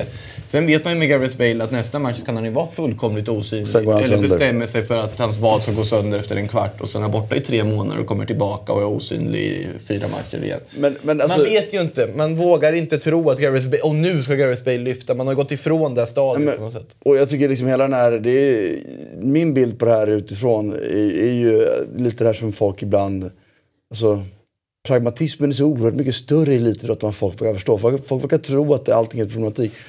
Det är rimligt att tro att, att eh, Zidane, eh, så här, det är en lönepost vi vill spara. Säljer vi honom kan vi ta in en annan spelare. Ska du in den spelaren du vill ha Zidane så måste det ner i kostnader. Han bot, liksom botaniserar sin trupp. Okej, Bale, här har du en utgift. Han är skadad för mycket. Han har inte hållit måttet. Jag har inte kunnat lita på honom. Han är svinbra när han spelar, men, men du vet, vad det nu kan vara. Okej, han ska flytta på sig. Ett möte sker. Han vill inte flytta på sig. Han har bra lön, han har inte bra alternativ. Okej, hur gör man då för att flytta honom? Ja, men då fryser man ut någon. Och bara, du kommer inte spela en minut. Ja, och så håller, det på och till slut så går det till en punkt. Ja, men nu går det inte längre. Nu fönstren stänger, alternativen försvinner. Måste han återintegreras Han blir det- kvar. Han måste återintegreras. tar man ett möte, så här sitter ner som det funkar. Och säger man okej, men eh, bra, då får det vara det. Och idrottsmän, idrottskvinnor, idrottsmänniskor är ju, vad fan, då är det väl pragmatiskt. Ja, men då tar man hand. Så är det som händer bakom, det lägger man bakom sig. Och så går man framåt. Och nu är han i truppen. Tycker att han ska användas. Är han tillgänglig kan spela, är han en spets är det inget fel på. Så för mig är det inget underligt så här. Så här funkar det ju i idrottsklubbar. Och, och att man fryser ut någon, det handlar ju om, om att göra en affär, inte om en person. Det är skillnad på sak och person. Och det är idrottsmänniskor svinbra på att göra. För annars kommer man aldrig dit man kommer. Så du menar att Icardis är kvar? Han blir... Det är möjligt att han blir kvar Han och också. Conte tar i hand. Nej, men jag, menar, jag, för jag, är mycket- för, mycket för, mer för jag håller med dig om det här. Så här brukar det ju, så här, det här är inte första gången det här händer. Det, det avdramatiserar rätt mycket av det som har hänt i sommar också på något sätt. Att man förstår vad mekanismen är sådär. Men det, säger, ju- det, det är ju dock inte alla spelare och alla tränare som har förmågan. Det finns ju de som är mer långsynta och mer personligt investerade, känslomässigt investerade. Det finns alltid situationer som, som kan vara mycket mycket värre än andra. liksom, ja. Men stolthet, det kan, vi vet inte, man, vi, ser ju inte vad som händer. Jag menar, jag har ju hört om saker som inte kommer med när folk har slängt alltså tränare har gjort grejer mot spelare. Så man bara, tänk om media visste det här. Sjuka grejer. Eh, Och sen så, jag har själv varit med om grejer som man egentligen, det här är inte sjukt, det är Vad är det sjukt. sjukaste du har varit med om? Nej, jag tänkte dra en sån Ja, men det, okej, men, Nej, jag drar inte sån. Men ta Poängen är att ta i. Poängen är, poängen är att då, då, då är man liksom... Men, en månad senare, tre dagar senare, en vecka senare. Man går vidare. Men det är väl man likadant. jag- jag- jag är med. Jag gillar men det här Man kan, väl, man kan väl argumentera för att exakt samma beef som de har haft uppenbarligen då Zidane och Bale Alltså om det hade hänt på träningsplanen eh, så hade ju liksom, man skaka hand och gå vidare. Alltså det är inget konstigt i den miljön de lever i. Men det är klart att det är ju konstigt utifrån de signalerna som har skickats ut angående Bale och sen att han är För en att startspelare. Ja, men det är väl klart att det är så. Men det är klart att man kan... Det är relevant att höja lite grann på ena ögonbrynet Absolut. när man ser startuppställning för Real, att han är en startspelare. Och- Men givetvis så håller ju argumenten som Ja, ni för fram här nu. Varför? Att, Och, och det kan mycket väl vara så att i ett sånt möte som har skett, nu ska ju Zidane också bevisa för Beijer att han ska sätta på honom. Nu beskriver de alternativen, som förmodligen var lika bra alla de här tre. Så han kunde egentligen tänka sig Vasquez, han kunde egentligen tänka sig Isco i en sån roll. Och så här. Det fanns ju Jovic, tror jag minst på, men, men, men de andra i alla fall. Eh, men, Jovic tror också Zidane minst på. tror jag. ja, ja, det verkar mycket märklig värme. Ja, om, om Blir han utlånad Det blir inte kul det här. Jag kan ju inte låna ut honom, det finns ju inte. Alltså, Men, men poängen i alla fall, poängen jag ska komma till är att då är det ju ett väldigt bra tillfälle för Zidane till ett väldigt lågt pris. Alltså du vet, ingen kommer höja på ögonbrynen internt i truppen förmodligen, eller väldigt lite, eller ingen, de gör väl det, men lite. Ja, men nu skickar vi signalen, nu bevisar jag för Bale att satsa på honom. Att nu är han med och konkurrerar. Vi provar en grej, det funkade inte, nu är du med. Här får du spela. Ja, men precis, alltså med hand, det, En- det var ett bra beslut. En annan junis som rörde på sig lite grann eh, och faktiskt eh, såg till så att det blev en frispark, Frispark. som det sen blev eh, eh, en straff eh, via. Isak låg var bakom poängen. var ju Isak eh, som till slut fick eh, hoppa in eh, och göra sin, göra sin grej. Eh, några grejer som stack ut var ju att han fysiskt sett såg lite mer eh, muff, mastig, mustig har gjort det ett tag tycker jag. Eller på Ja, senaste... men just det, nummer 19 också. Det är ju två siffror där bak som det hänger upp. Så. Eh, och eh, började på bänk och då var ju det vi ganska överens om att det nog skulle bli så att han började på, eh, på bänk. Eh, men kommer sen in. Vad säger ni om hans första liksom, framträdande i, kanske, eller som jag ser bara, när man tittar på det, Har världens ett foto från när han spelar i P9 här eller? Är- Han ser otroligt ung ut på den här bilden.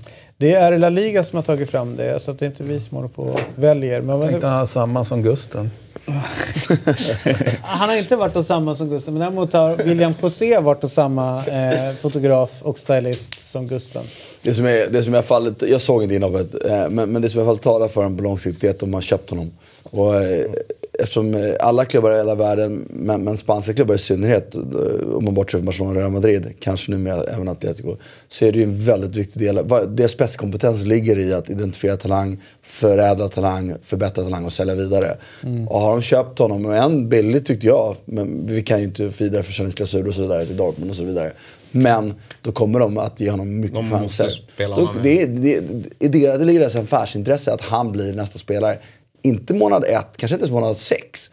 Men han kommer att få chanser. Så att det här kommer bli bra om han är så bra, närheten så bra som jag tror att han är. Så kommer det här bli Jag bra. tyckte han var, det var ju ett kort inhopp, men jag tyckte det, man, det lilla han visade var bra också. Han involverade sig, gjorde ett avtryck. alltså. Gjorde ett bra avtryck. Dessutom tycker jag det där laget ser bra ut. Tittar man på den där startelvan så, jag har inte alls koll på deras tränare, men det var liksom, det är en startelva med ganska hög potential tycker jag det ser ut som. Och dessutom ganska välbalanserad med Jaramendi på mitten och de här. Så att det, Det är ett jättebra lag de har byggt Jag ihop. Alltså, det är få vad ska man säga, lag i den Garvar. nivån som kan ganska tydligt också ha gjort det så under försäsongen.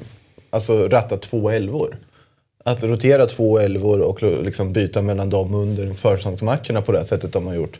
Otroligt bred trupp för att vara med en blandning av intressanta nyförvärv, unga spelare blandat med veteraner och erfarna spelare och liksom egna produkter man har plockat upp. Från, och ett tekniskt lag tycker jag det ser ut som också. Det är så kul att se sånt som Janusaj som fortfarande är, han är ju, tror man ju helt förspilld, men han är inte med 24-25 eller vad är han? 23-24? och vilken annan typ av spelare han har blivit. För, Jo, men han, alltså, grovjobbare på ett helt annat Han sätt. kan bli något nu och det, det, det är så härligt att se det där. Ödegård kommer ju säkerligen med någon slags garantier från, eh, till Real Madrid att han ska spela. Han är tyvärr bara lånad. De skulle ju försöka köpa loss honom ändå tycker jag. Jag tror han gjorde en bra match. Han gjorde en Ja, han jättebra är match. bra. Otrolig upplösning. Gam, Gamiros straff är, är den är ingen vidare. Nej, den, eh, men har, du vet inte var bollen tog vägen eller? Nej, jag tror ingen heller. vet det. Nej, Nej det snackas om det. Scientists. Snackas Den är helt borta Christian. Det är helt, det är helt Jag sjukt. noterar Han det. är försvunnen. Ja, den drog Vad säger vi om Monchis fönster då? Ja, att det, here we go again. Alltså det är så spretigt att det inte finns. Alltså. Ja, men jag gillar det ändå. Jag gillar det ändå. Han blandar och ger. Han är rätt liksom. fet i det saker. Jag tror fan på det alltså. Ja, men och, och, Och Lopetegui är en bra tränare, är inte det eller? Ja, alltså, det, det är ju hans chans. På något sätt. Är det ju. Alltså att efter, Så jag efter det det debaclet. spännande att se. Eh, Okej, jag trodde ni skulle vara lite mer till er. Nej, men viss, vissa av värvningarna tycker jag är jätteintressanta. Typ att man plockar Juan Jordan från Eibar för det här priset. Supervärvning. Regilon, supervärvning. Jag är väl lite tveksam till Luke de Jong på längre sikt. Och Campos. Han, honom fick man ju se, dels så floppade han ju i Gladbach. Sen gick han på lån till Premier League. Och det var en sån spelare som jag kände, han kändes som en eh, typisk Eredivisie-mobbare. Alltså att han kan göra mål där, men jag har väldigt svårt att han lyfter det. Var det jag såg av honom. Jo, men det är tveksam. som våldsvinkel också. Det är ju samma. Så kommer de till den här ligorna är det ju mer renodlade avslutslägen och det liksom passar ju dem bättre. Och... Kanske. Jag säger inte att han kommer lyckas. van Wolfswinkel. Nej, men det, det, Ja men det är ju verkligen sånt. Ja, menar, en viktig poäng återigen då. Det behöver ju inte... Är han uppe i 11 nyförvärv eller 12 nu eller vad är det? 13 eller något sånt 13. kanske. Han har, redan, han har bara fortsätter hela tiden. Och det är inte slut. Behöver ju inte sätta 13 menar jag. Utan det räcker med... liksom, Inte för de pengarna heller. Sätt rätt 4, sätt rätt 5 och då är det jävligt bra. Nej, exakt. det måste man alltid komma ihåg. De hade väl fyra spelare som spelade i Sevilla förra säsongen på plan. Nu.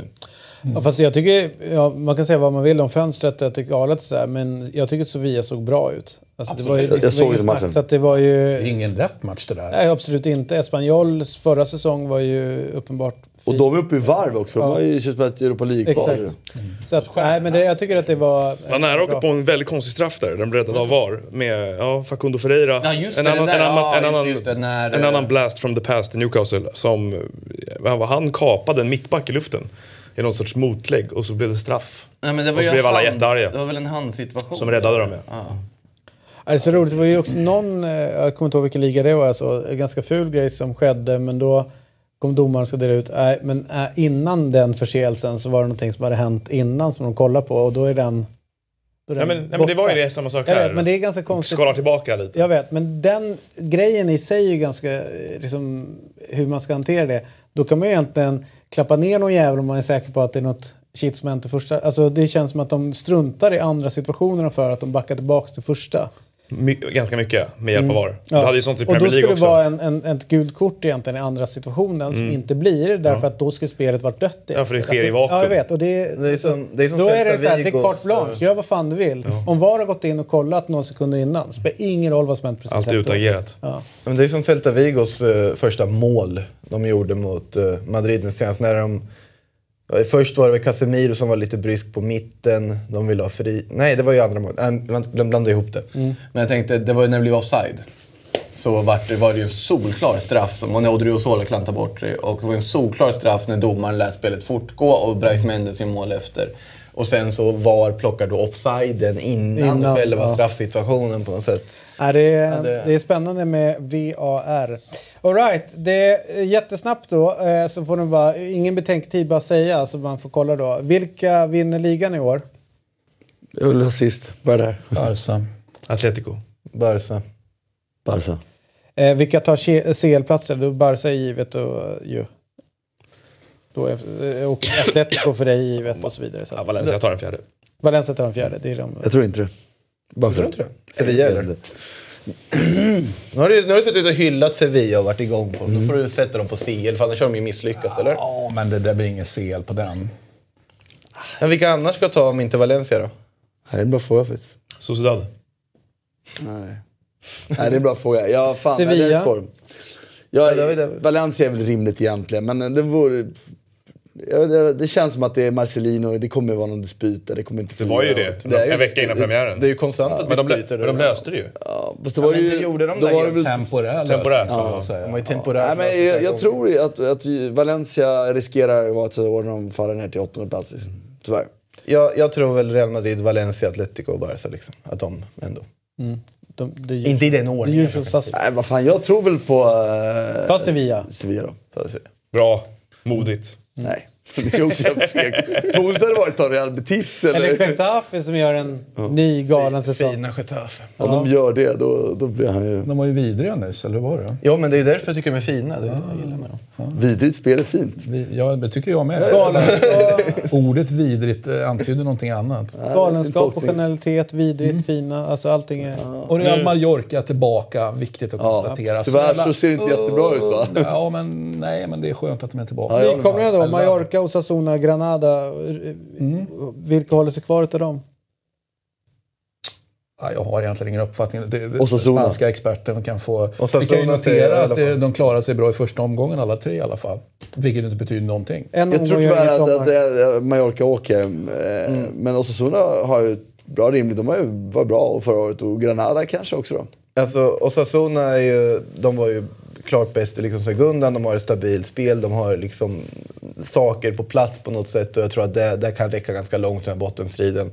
Granada levde ju mycket på att de hade ett väldigt bra försvar i segundan och de började med att släppa in fyra mål mot Villarreal. Ehm, Villarreal. De börjar också de med att göra fyra De gör- ja, mål borta mot Villarreal. Det också, men det, de har ju den här speeden. lite- Offensivfotbollens... Va? Ja, ja, men det är ju ett otroligt styrkebesked. Exakt, ja, men de, de, och ett eh, vad heter det, svaghetstecken från Villarreal om inte annat. Men Granada har ju de har lite intressanta sydamerikaner. Darwin Matches bland annat, venezuelanen. Liksom snabba, ettriga. Men jag tror inte det räcker i längden. Det känns lite för stökigt. Och Mallorca tror jag tyvärr också. Bilbao CL, förlåt. förlåt. Ja, och eh, sen tror jag väl att Valladolid ryker också. Och att det är de som då ryker på Osasunas. Alltså, Osasuna klarar sig men Valladolid ryker Så med Madrid gånger två, Barcelona och Bilbao i Champions League. Jag tror... Jag, Okej. Ja, men det, det var en rolig tanke bara. ja, ja, men jag tyckte det var en skön tanke. Låt oss hoppas. Ja, ja, det är också. Det är, det är också.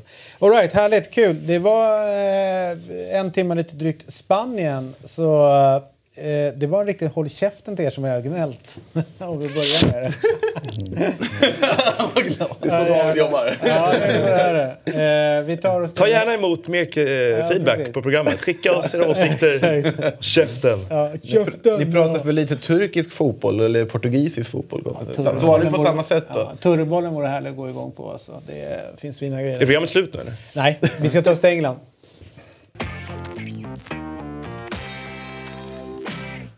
Det blev ett jävla liv förra veckan efter det att jag sa att det fanns likheter mellan Aubameyang och Henry. Eh, och att det fanns i, deras, alltså, det, i det estetiska. Har du ångrat dig? Nej, jag har aldrig sagt att, att Aubameyang är bättre än Henry. Jag vill bara liksom så här att ni ska lyssna på vad folk säger när man jämför. Och ibland kan det vara estetiskt, ibland det behöver inte vara att man tycker någon är bättre eller sämre, utan bara samma tröjnummer. du var in. inte hjälpt av att vårt eget Twitterkonto eh, hårdvinklade det till och eh, hängde ut det lite. Har, har inte de varit väldigt schyssta?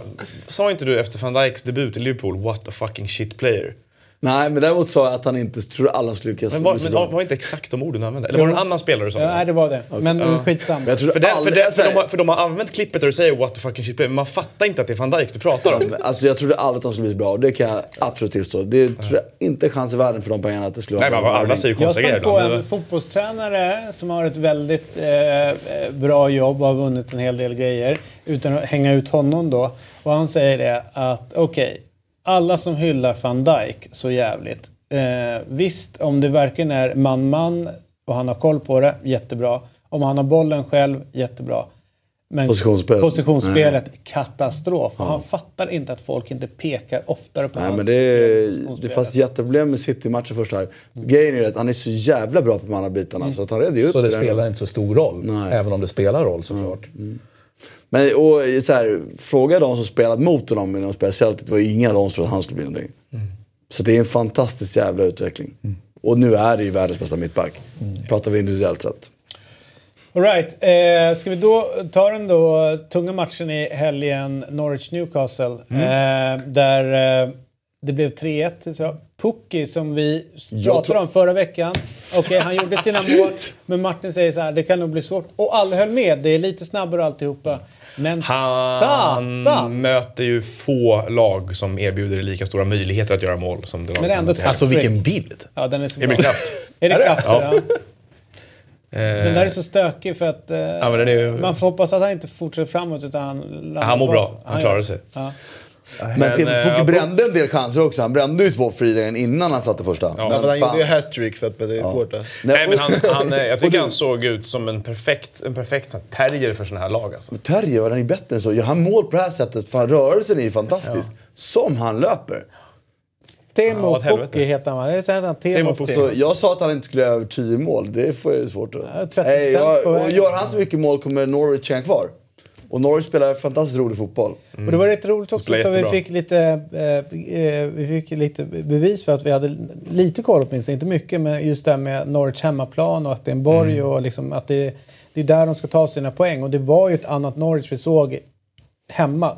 Med all respekt eh, liksom för motstånd och sådana saker. Nej, men de drev matchen. Men de drev matchen och var liksom ett annat, ett annat typ av lag helt plötsligt. Absolut. De, var, de såg eh, ut som jag tror att nykomlingar behöver se ut. De behöver, man behöver ha något, ett helt, en helt egen medicin. Man kan inte bara åka och anpassa sig och förhålla sig hela säsongen och hoppas på att nöta ihop 40 poäng. Utan de, de kommer göra så här mot fler lag på hemmaplan och ställa till det. För att de, de tog kontroll. Jag tror de hade 75% bollinnehav lång tid i första halvlek. Och för ett lag som spelar helt utan spelidé och system och koncept eller metod så är det ju svårt att hävda sig i en sån match. Så för dem var det, passade det utmärkt att träna på det då och skaffa sig lite självförtroende här, vilket de kommer väldigt bra av också. Så att, eh, efter den snytingen de fick mot Liverpool så fick de ett exempel på att det finns fruktansvärt mycket sämre lag i den här ligan att, att möta och då, är man, då ska man tro på det man håller på med. De, sen tycker jag också att det syns att det är ett lag som har... Eh, den här insatsen de gör här, den kan du inte göra med fem nyförvärv. Det tror jag inte, inte så här tidigt Nej, på säsongen. utan det var det, är ett samspelt lag som, som klev in och spelade. Ja, och så här, att de skulle kunna föra match på egen hemmaplan, det visste vi. Men jag trodde inte, kanske ni trodde, men att de skulle, jag, jag såg en farhåga att de inte skulle göra mål. Ja. Men de, var, nej, jag tycker de hade bra med chanser att göra fler mål än de gjorde här också. Som av träningsmatcherna så brände ju Pukki, jag vet inte om han brände 100% chanser, 10 på två matcher, så innanför första. Men det är också en sån forward som, jag menar, du kan, han kan lätt få en purple patch av, ett sånt här, av en sån här start. Alltså, sådana så- så sådana fall är han en av liga, fortsätter han ha, gör han en mål varje, varje match, då är han en av ligans bästa forwards. För att han har ju allt det andra. Fantastiskt alltid. Jo, ja. Men han har ju allt det andra. Han är ju mycket rörligare än många av de andra. extremt nyttig alltså. Duktig i pressspelet, alla de här bitarna som de flesta av de andra inte är i närheten. Han är ju, då är han ju bättre än Firmino i pressspelet nästan. Det är ju den nivån liksom. Jo, men han är ju, har ni kollat hans rörelsemönster? Hur han är mycket med, Nej, han, ja, han, är, han är överallt. Men, Ja. men jag, men, jag håller med om att Ja, han men jag, tyckte, jag tyckte även mot Liverpool att han var ju liksom... Han är, han är bra, tänkte man. Absolut. Liksom. Press, han är Jag tycker många där. gjorde ju mål. Cantwell tycker jag är jättespännande att följa, och följa upp. Buendia Han har varit lika stark den här matchen kanske som man kanske skulle tro. Men, Nej. men däremot så, ja men spännande lag och spännande bygge i, i Norwich. Ja, och spännande tränare i Farke. och, och gör de mål så kommer de över, gör de mål som de gör nu, då kommer de överleva. Och intressant att de har revitaliserat Tim Krul också som en gång i tiden var en väldigt habil Premier League-målvakt. Ja, Eh, och som ja. är tillbaka. Rafa, med all rätt, Krul hade en jättedålig utveckling ett tag i Newcastle. Mycket misstag, jag tror att dåligt självförtroende. Såg ut att liksom, som målvakter har i Och karriären. dålig miljö för honom där, Ja, usel miljö match, för, ja. för, precis. Men han, Rafa lät ju honom lämna eh, och så hamnade han här och eh, jag tycker han ser ut som han gjorde när han var som bäst. Var inte Fascinerande. det en skada som utlöste hans, hans För, dipp? från eller? början ja. Och sen Alltså, tappade han han första platsen till eh, Carl Darlow bland annat. Han kom ju och sen, så var, sen blev han skadad, sen tappade han plats. Men under tiden där så var det rätt många enkla misstag han gjorde. Samtidigt som han kunde göra drömräddningar, men han kunde göra lite tabbar liksom så. Väl. Ja, ja, ja. Alltså, han, hade, han hade en peak runt mellan 2011 och 2014 skulle jag säga. Och sen tappade han det. Men eh, kul att se honom tillbaka. Det är väl en Fascinerande peak på tre eh, år. Ja. Det är fascinerande, mer längre än att, min peak. De är väl en kvart. det är fascinerande att Ralf Fährman lånas in som en jättefin målvakt åt henne ändå. Att Krul går före. Ja, men jag tror att han... Fast det tror är jag- lite jag inspelat och Ja, det, men sen ändra. tror jag också med alltså vissa, vissa laguttagningar, och det känner väl du till, eller alla som har spelat, att ibland kan man undra vad fan spelar den här jävla gubben för? Eller en liten som, alltså, men det finns, de, de bidrar någonting, i synnerhet gamla jävla målvakt som stått i tusen år, just det där med styra, styra försvar, ta på sig massa jävla ansvar och ja, men det finns någonting i gamla målvakter som gör att de blir väldigt svårpetade efter ett tag. De bidrar med någonting mer än att bara rädda Ja, en men det är boll. precis, det är mycket Och trygghet. det är väl också. det med Krull, man ser alla intervjuer som görs. Det, är en helt annan, det är en annan människa som talar nu än under tiden i, i Newcastle. En som känns som att han tar större liksom, grepp. Alltså han omfamnar ju gruppen Ja, liksom, på ett annat sätt. Därav kanske att han är... Men Men, de är ja, snygga ändå tröjorna. Egentligen de vara skitfula men det är någonting jag tycker om. Jag vet inte vad det är. men de, de, Att de är eh, klassiska. De har nästan alltid haft... Alltså, de har aldrig jobbat...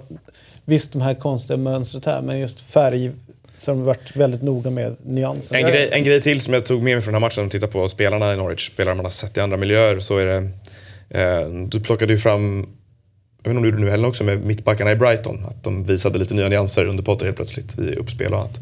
Grant Hanley i, i Norwich, han var i Newcastle i ett år också och jag såg honom även innan dess i Blackburn. En skogshuggare. Alltså han, han kunde inte göra någonting, men han kunde fälla träd. Liksom. Det var det han kunde göra. Eh, han gör ju helt andra saker här och dessutom såg han otroligt välskolad ut defensivt. Han var dålig försvarsmässigt nu, alltså även i spelet utan boll, i markeringar och närkamper. Han hamnade fel mycket, drog på sig saker. Här plockade han ner Joel Linton som om han mötte en Sankt Erikscupen-spelare. Alltså, så att det var... Som han såg ut att vara också. Men eh, om man tar Farke då som får upp de här, de spelar jättebra fotboll i, i Championship. De var bäst ju de matcher man såg. ju. Ja, Och nu liksom om de, låt säga att de, ja, han visar upp ett spel. Om man går på liksom tanken att hantverket tittar man på snarare än bara det faktiska resultatet. Eh, och att eh, ganska snabbt börjar pratas om Potter, vad han kan göra, vad kan han eventuellt hamna om, om det blir bra resultat. Norwich och tränaren där, vad, vad ser ni för liksom, framtidsväg för honom eventuellt om det blir Nej, men jag tycker det är samma sak med honom som, är, som vi pratade om, att utgå från Potter, man pratar om var han kan ta vägen någonstans. Mm, och så ja, här, det är med. det är ju på något sätt som en sorts audition för de större jobben att ta ett lag och sen så överprestera budget, resurser och förväntningar.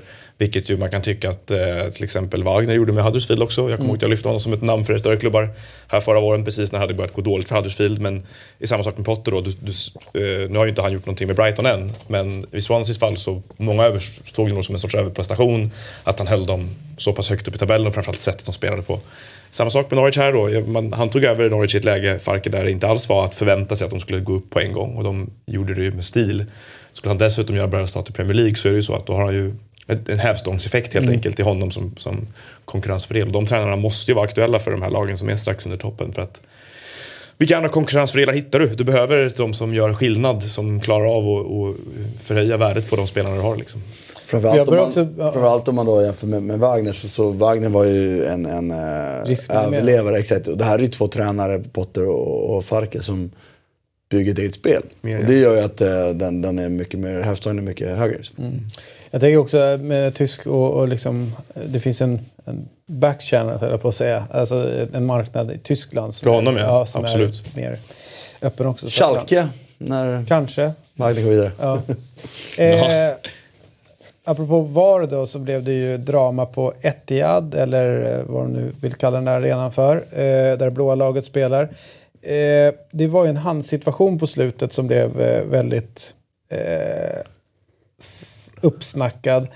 Men jag tycker att när man, om, man offside. om man verkligen läser på liksom, handsregeln som den ska tolkas nu så är det ju rätt att det blir en offside, eller en handsavblåsning. Ja, eh, så ska jag säga. också. Eh, för det är ju, den bollen kan ta på handen hos en försvarande spelare och då anses det att det är för nära att man, ja, bollen bara tar. Men däremot om bollen, oavsett hur bollen tar på handen, om det sen blir mål efteråt eller en omställning och mål, farlig målchans, då ska det alltid blåsas av. Och det är ju så liksom det är skrivet. Och, och jag tror det är rätt många som satt och blev förbannade efter den här matchen som inte hade riktigt koll på detaljerna om det blir mål efteråt. Eh, så att domarna gör ju rätt.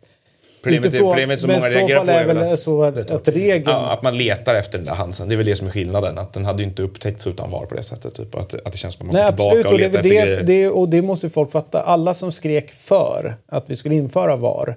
man det är leva med det just, här. Då får man leva med det här. Och det är just det här. Man kommer sitta och nagelfara allt och leta efter fel. Det. Men just att eh, beslutet i sig är ju klockrent eh, sett till hur reglerna är. Det, det som är invändningen är med den där hans regeln är ju att det är just som du är inne på att i defensiv riktning så har ju England, engelska domare gått ut och sagt att det där kanske skulle varit en defensiv hands på, i, om det hade varit i dam-VM. Eller hade det varit det? Och det kanske hade det i Spanien. Men Premier League har varit så väldigt tydliga med att den ska vara väldigt, väldigt tydligt ut från handen när den är under axelhöjd. Exakt. Är det axelhöjd över då ska den blåsa även om den är naturlig eller om det är ofrivilligt eller vad nu alla de här benämningarna kan vara.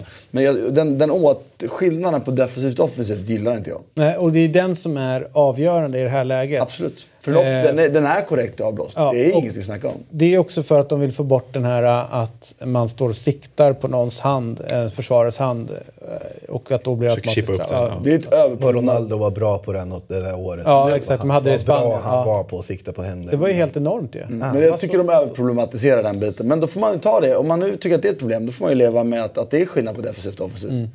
Men så att jag, jag, jag har lite att an- anmärka på. Jag tycker inte att det var något konstigt. Jag tyckte att det tog rimligt lång tid. Alltså snabbare kan alltid gå. Men nu kan man ju börja undra hur många sådana ska eh, City vara med om? Visst var det något liknande? Samma sak i Champions League Champions. League och så vidare. Och det är Fast då var det ju en offside va? Då, det intressanta var ju med Mm. Guardiola, han gick ut och pratade inför säsongen tror jag, var just det här med att vi måste bli bättre på att hantera VAR. Och då menar inte han kritiken mot domarrummet eller något liknande, utan han pratade om hur de mentalt hanterar VAR. Att det inte ska bli så stort. Utan okej, det har hänt, låt oss gå vidare. Det känns som att de... Eh, det är härligt ändå med en tränare som inte står och liksom martyrar utan bara okej, vi måste bli bättre på att hantera det, vi måste lära oss och det känns som att han efter matchen inte hade det här utbrottet kanske som man skulle kunna tro utan han var rätt samlad runt det. Men ser inte Guardiola möjligheten att de här VAR-avbrotten ger honom TV-tid där han kan instruera sina liksom, unga spelare med taktiska direktiv så fort kameran... Spelarna bara nej, inte mer VAR! inte mer instruktioner! Nu har jag chansen, nu springer vi till Raheem och säger att... Ja, exakt, gör det här. Bara. Men vad säger ni om matchen i stort då? Visst var City ganska bra Ja, jättebra. Ganska. Fy fan. De var så jävla bra. Otrolig poäng för Tottenham att få med sig här, får man säga. Alltså det var... Det, Den det första halvleken är, är nog bland... eh, Om man nu utgår från Tottenham... Vi kan titta på... Om vi får tavlan kan vi titta på lite detaljer sen. Men alltså, om vi utgår från att Tot- Tottenham gör en ganska bra match defensivt. eh, Eller förlåt, ganska bra match för det är ett ganska bra lag. Så, så har jag nog aldrig... Jag kan inte minnas... Alltså, den första halvleken är nog bland det bästa jag någonsin har sett. Fy fan vad de var bra City. Knappt ett beslutsfel, en passningsfel. Men, ja, men, ja, men med allt det sagt så ska ju Tottenham vara hur nöjda som helst här. Alltså med, det är tidigt på säsongen. Man- De kanske inte kan begära eh, hur mycket som helst heller av, av tanke på motståndets kaliber och framförallt inte insatsen från City. Och så går de ur det här med en poäng. Jag tycker, och så summerar du tabellen sen så är det ju Absolut. drömresultat för Spurs. Och jag tror inte att heller att Guardiola är allt för besviken heller. För, Nej. Alltså när han går och lägger i i Gikolas så måste han ha känt så här, fy fan. Alltså, Nej, de, han jag måste ha känt så här, du vet, nära, så nära Alltså, perfektion, Min perfektionism. fotboll. Ja. Att det var, jag tyckte det var en, en, en enastående uppvisning i, i hur jävla bra modern fotboll har blivit. Liksom. Vi saknar en gul Mm. Shit happens. Behöver inte visa målvakten. Nej, men det, det som City gör nu, med, vi började göra bra mot Liverpool, apropå det vi pratade om tidigare, men van Dijk hade problem med. Ursäkta mig. Har du varit, har varit på Arja Piccola? Ja, exakt. Baren var öppen, men ingen fotboll. Ser du allt öppna nu? Ja, nej, men de har ju liksom... ehm, de har ju, eh, när de går anfall så går Zinchenko in och spelar sittande. Så de spelar ju egentligen en, en 3-2-5. Men- Och de här två, De Bruyne och Gundogan, de, har ju, de rör sig i de här kanalerna. Liksom, eh, upp och ner och hittar, hittar fickorna. Eh, det Tottenham försökte göra var ju att spela med... Fan, det var ju sjukt irriterande. Helt plötsligt. Du, du tappar en spelare? Två. Det är ingen målvakt eller? Nej, nej, ingen målvakt. Vilken jävla taktik en om det här då. Nej, men det, det som Tottenham gjorde var att Cissoko skulle ju vara, spela här ute i en slags roll och komma ner och fylla på eller hjälpa upp. Sådär. Problemet är när City är så jävla bra som de är. Så den här bollen spelas härifrån ut till, till ehm, Sterling. Eh, Walker Peters är på väg ut och han tar, då hinner inte, han hinner varken ner dit eller ner dit. Så, i- och i den här tran, alltså, tran, trans, transition, transaktionen heter det inte. Övergångsfasen. Ja. Eh, så, så, så exponerade de här hålen hela tiden ju. Och de gjorde det på bägge sidorna. För att antingen gick de, eller så hittade de, i den här sidan, här gick han ju ner mer bakom och löpte ner. Här så stod ju De Bruyne, spelade de lite högre upp så De Bruyne blev mer spelbar i, i fickan här. Men eftersom de vänder så snabbt och hittar in i den här eh, och, och Tottenham då inte hann ner och täcka de här ytorna. Winks tycker jag är för dålig. Men De blev gjorde ett hyfsat jobb. Eh, så blir det så här, efter tio minuter så satt jag och skrek i studion. Det här går inte, de måste ju ner. De måste börja spela en fembackslinje. Så här. För att då, då så kommer han närmare. Så när bollen går ut så är han närmare. Så någon kan plocka upp den här. Som dödar det farliga. Ja, ni har ingen boll. Ni kommer inte röra bollen. Men som det var då så var det bara... Alltså att det inte står mer än... Alltså de gjorde fem i första. Det är ju bara tur. För Tottenhams del. Eller att de hade varit centrerat sin backen i den här vändningen går. Men skit i, gå ut då. Det går inte. Ni får inte öppna upp de här hålen. Så Släpp vänta, kanten. vänta. För det är ju nästa grej. Om de ska börja slå inlägg, då är inte de svinbra City. Och där blev jag förvånad över att Pochettino inte reagerade. För det var, alltså, det ska kosta dem matchen. Alltså i, i 99 fall av 100 som matchen var för första halvlek. Så ska det här vara kört när man har exponerat det här. Och vare sig någon hann ut, om han hann ut, ja, men då är det nästa hål här istället. Och Det var ju, de var, trasade sönder dem fullständigt alltså. Och det förvånar mig att inte han reagerade tidigare. Det de gjorde jättebra med Liverpool, för då gjorde de det lite högre upp. Det var ju att de stod ju väldigt högt Liverpool med sin backlinje. Eh, och det tycker jag ju på många vis är rätt eftersom de har en eh, extremt snabb, snabb eh, mittback. Sanchez. Nej, eh, du pratar Liverpool. Ja, van Dijk. Ja. Eh, men, men van Dijk är väldigt låst i den positionen. Han, det blev aldrig farligt riktigt då, men där, därifrån så gick de, för då spelade de den här utbytet de här ytan tidigare. Då gick ju De Bruyne ganska ofta tidigt i djupled. Och då kom ju han bakifrån, så när de stod så timing var jättelätt för honom att bryta linjen. Eh, och står man högt med, med Salah och så blev ju liksom Robertson som dessutom inte är någon bra försvarsspelare. Han har ju jättesvårt med, med linjen och po- positionen. Och han gör ju typ fem fel per match som är, är, är juniormisstag nästan. Men jätteduktig mot den. Men han, han har ju en förkärlek att komma lite för långt ut. För det ska han säga tidsögd göra. Alltså, de har säkert pratat om att liksom, spelvändning mot Salah är farlig. Eller mot Salah, förlåt. Eh, Mahrez var det som spelade tror jag. Eh, farligt, så kan ligga lite bredare. Men då, då attackerar de ytan mycket tidigare. Så spelar du i princip med, med så här. Och Liverpool är sjukt svårt, framförallt på den sidan. För de har bättre, Gomez var bättre på den sidan att stänga det hålet. Än vad van Dijk var. Jag började prata om tidigare. Jag satt den första halvlek och tänkte, fan vad van Dijk uppfattar saker och ting sent. Sen så hann han ju ner och stänga det. Men i den första halvleken var de- hade de också enorma problem. Och de har ju alltid rört sig i de här fickorna och varit duktiga på det här. Men det känns som att de har spelarna har blivit snabbare, de är snabbare på att attackera den här. Och de, dessutom då, om de inte då går ut, vilket jag då förespråkar att de inte ska göra. Så när han får upp farten när Störling mot den, då är han ju inte jätterolig att hantera heller. Eh, Och det här skulle ju Tottenham ha gjort. Men en sak som jag tänkte på med Tottenham. Eh, Så här bara. eh, Egentligen Skit i matchen. När de, 0-0. Ja, men när, ja, för när de vinner tillbaka bollen så slog de ju upp den i gapet jättemånga gånger också på dem. Att de inte startade med Mora till exempel. Att de hade någon som Ja, kunde nej, gå ifrån. absolut. Det fattar inte jag heller. För att det, var, det är ju stora ytor där bakom. Kane var rätt trög. Han gjorde ingen toppenmatch. Bollmottagningen var också ganska ensam hela tiden. Det är otacksam roll. Ja, men jätteotacksamt. Men då hade jag ju haft Mora från start som i alla fall kan hota bakom. För nu blir det väldigt lätt för City att ta upp dem hela tiden. Ja, absolut. Det var det de gjorde i andra halvlek. var ju att spela, Då gick de över och spelade 4-4, eh, 1-1 i princip. Mm. Eh, Med centrera sin backlinje. De gick inte ut. Sen var ju, alltså City var ju perfekta första halvlek också. Det ska vi säga, de var ju, varenda sån här passning, de missade ju knappt någonting. I andra halvlek blev de mer mänskliga, så det blev också lättare för Tottenham att hantera. Men då centrerade de ju sitt lag. Och sen så lät de ju Mora komma in. Det var ju Mora som var spets, det var inte Kane. Kane droppade ju ner. För Kane är ju bättre Och då, övergångsspelare. och då han är kunde de ju avlasta lite bättre och fick vila lite mer. De fick aldrig utnyttja det lyckades aldrig utnyttja Men tanken var väl att han är en bättre övergångsspelare, Kane. Bättre duellspelare, bättre på att få tag i bollen. Bättre passningsspelare än vad Lucas Moura är. Moura är en bättre bollspelare på när de här chanserna skulle uppstå.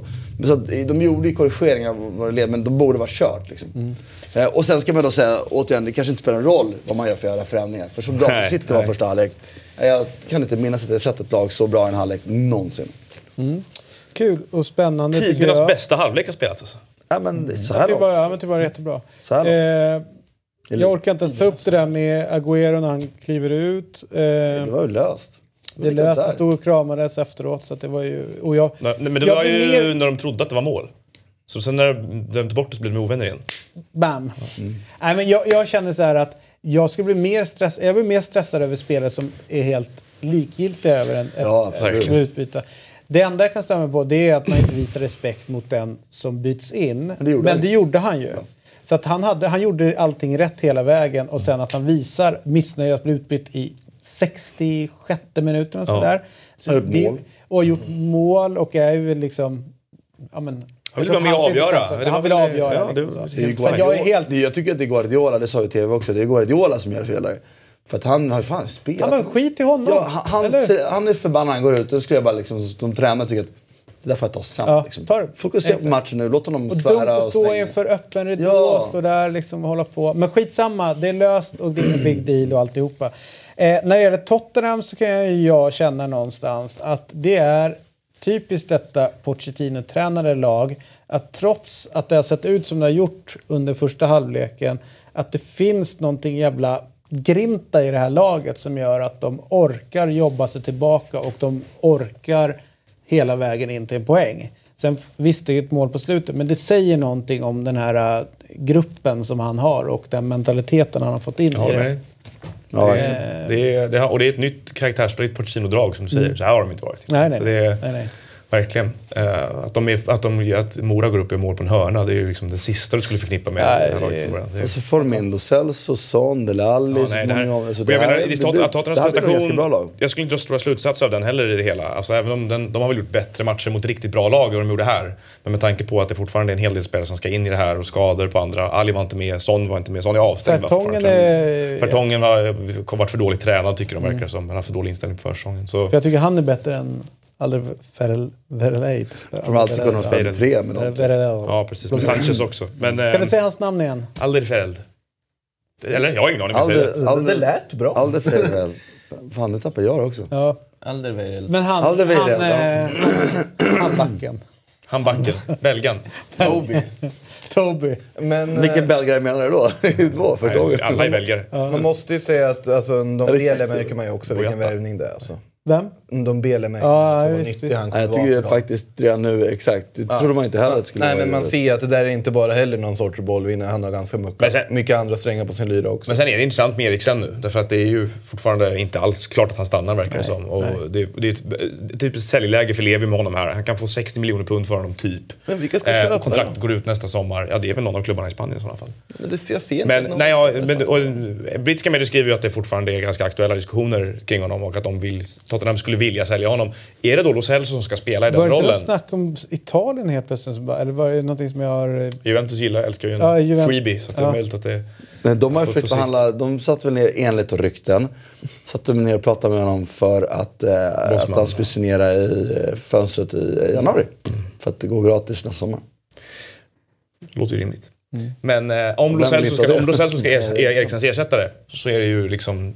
Det kommer ta ett tag för Lo Celso Mm. att bli den spelaren även om han säkert... Men alltså, jag tycker verkligen Erikssons höjd är fantastisk. Eh, I en sån här match tycker jag däremot, alltså, jag skulle kunna byta ut honom. Ja, jag håller med. Det finns andra som... Jag tyckte inte han var så, så jävla... Alltså, det är en fantastisk fotbollsspelare. Jag säger Tottenham ska ha honom kvar, men herregud, det står inte faller med honom. Liksom. Nej, och framförallt när de inte är spelförande. Så är det så här, Nej. alltså, han, han mot lågstående försvar är fantastisk. Det är ju där sån här USP-spelare. finns ju spelare numera som kan ge- inte ersätta honom fullt ut, men kompensera lite. Absolut. Härligt. Eh, vi gör att vi gör så att eh, vi tar oss som hastigast till Italien.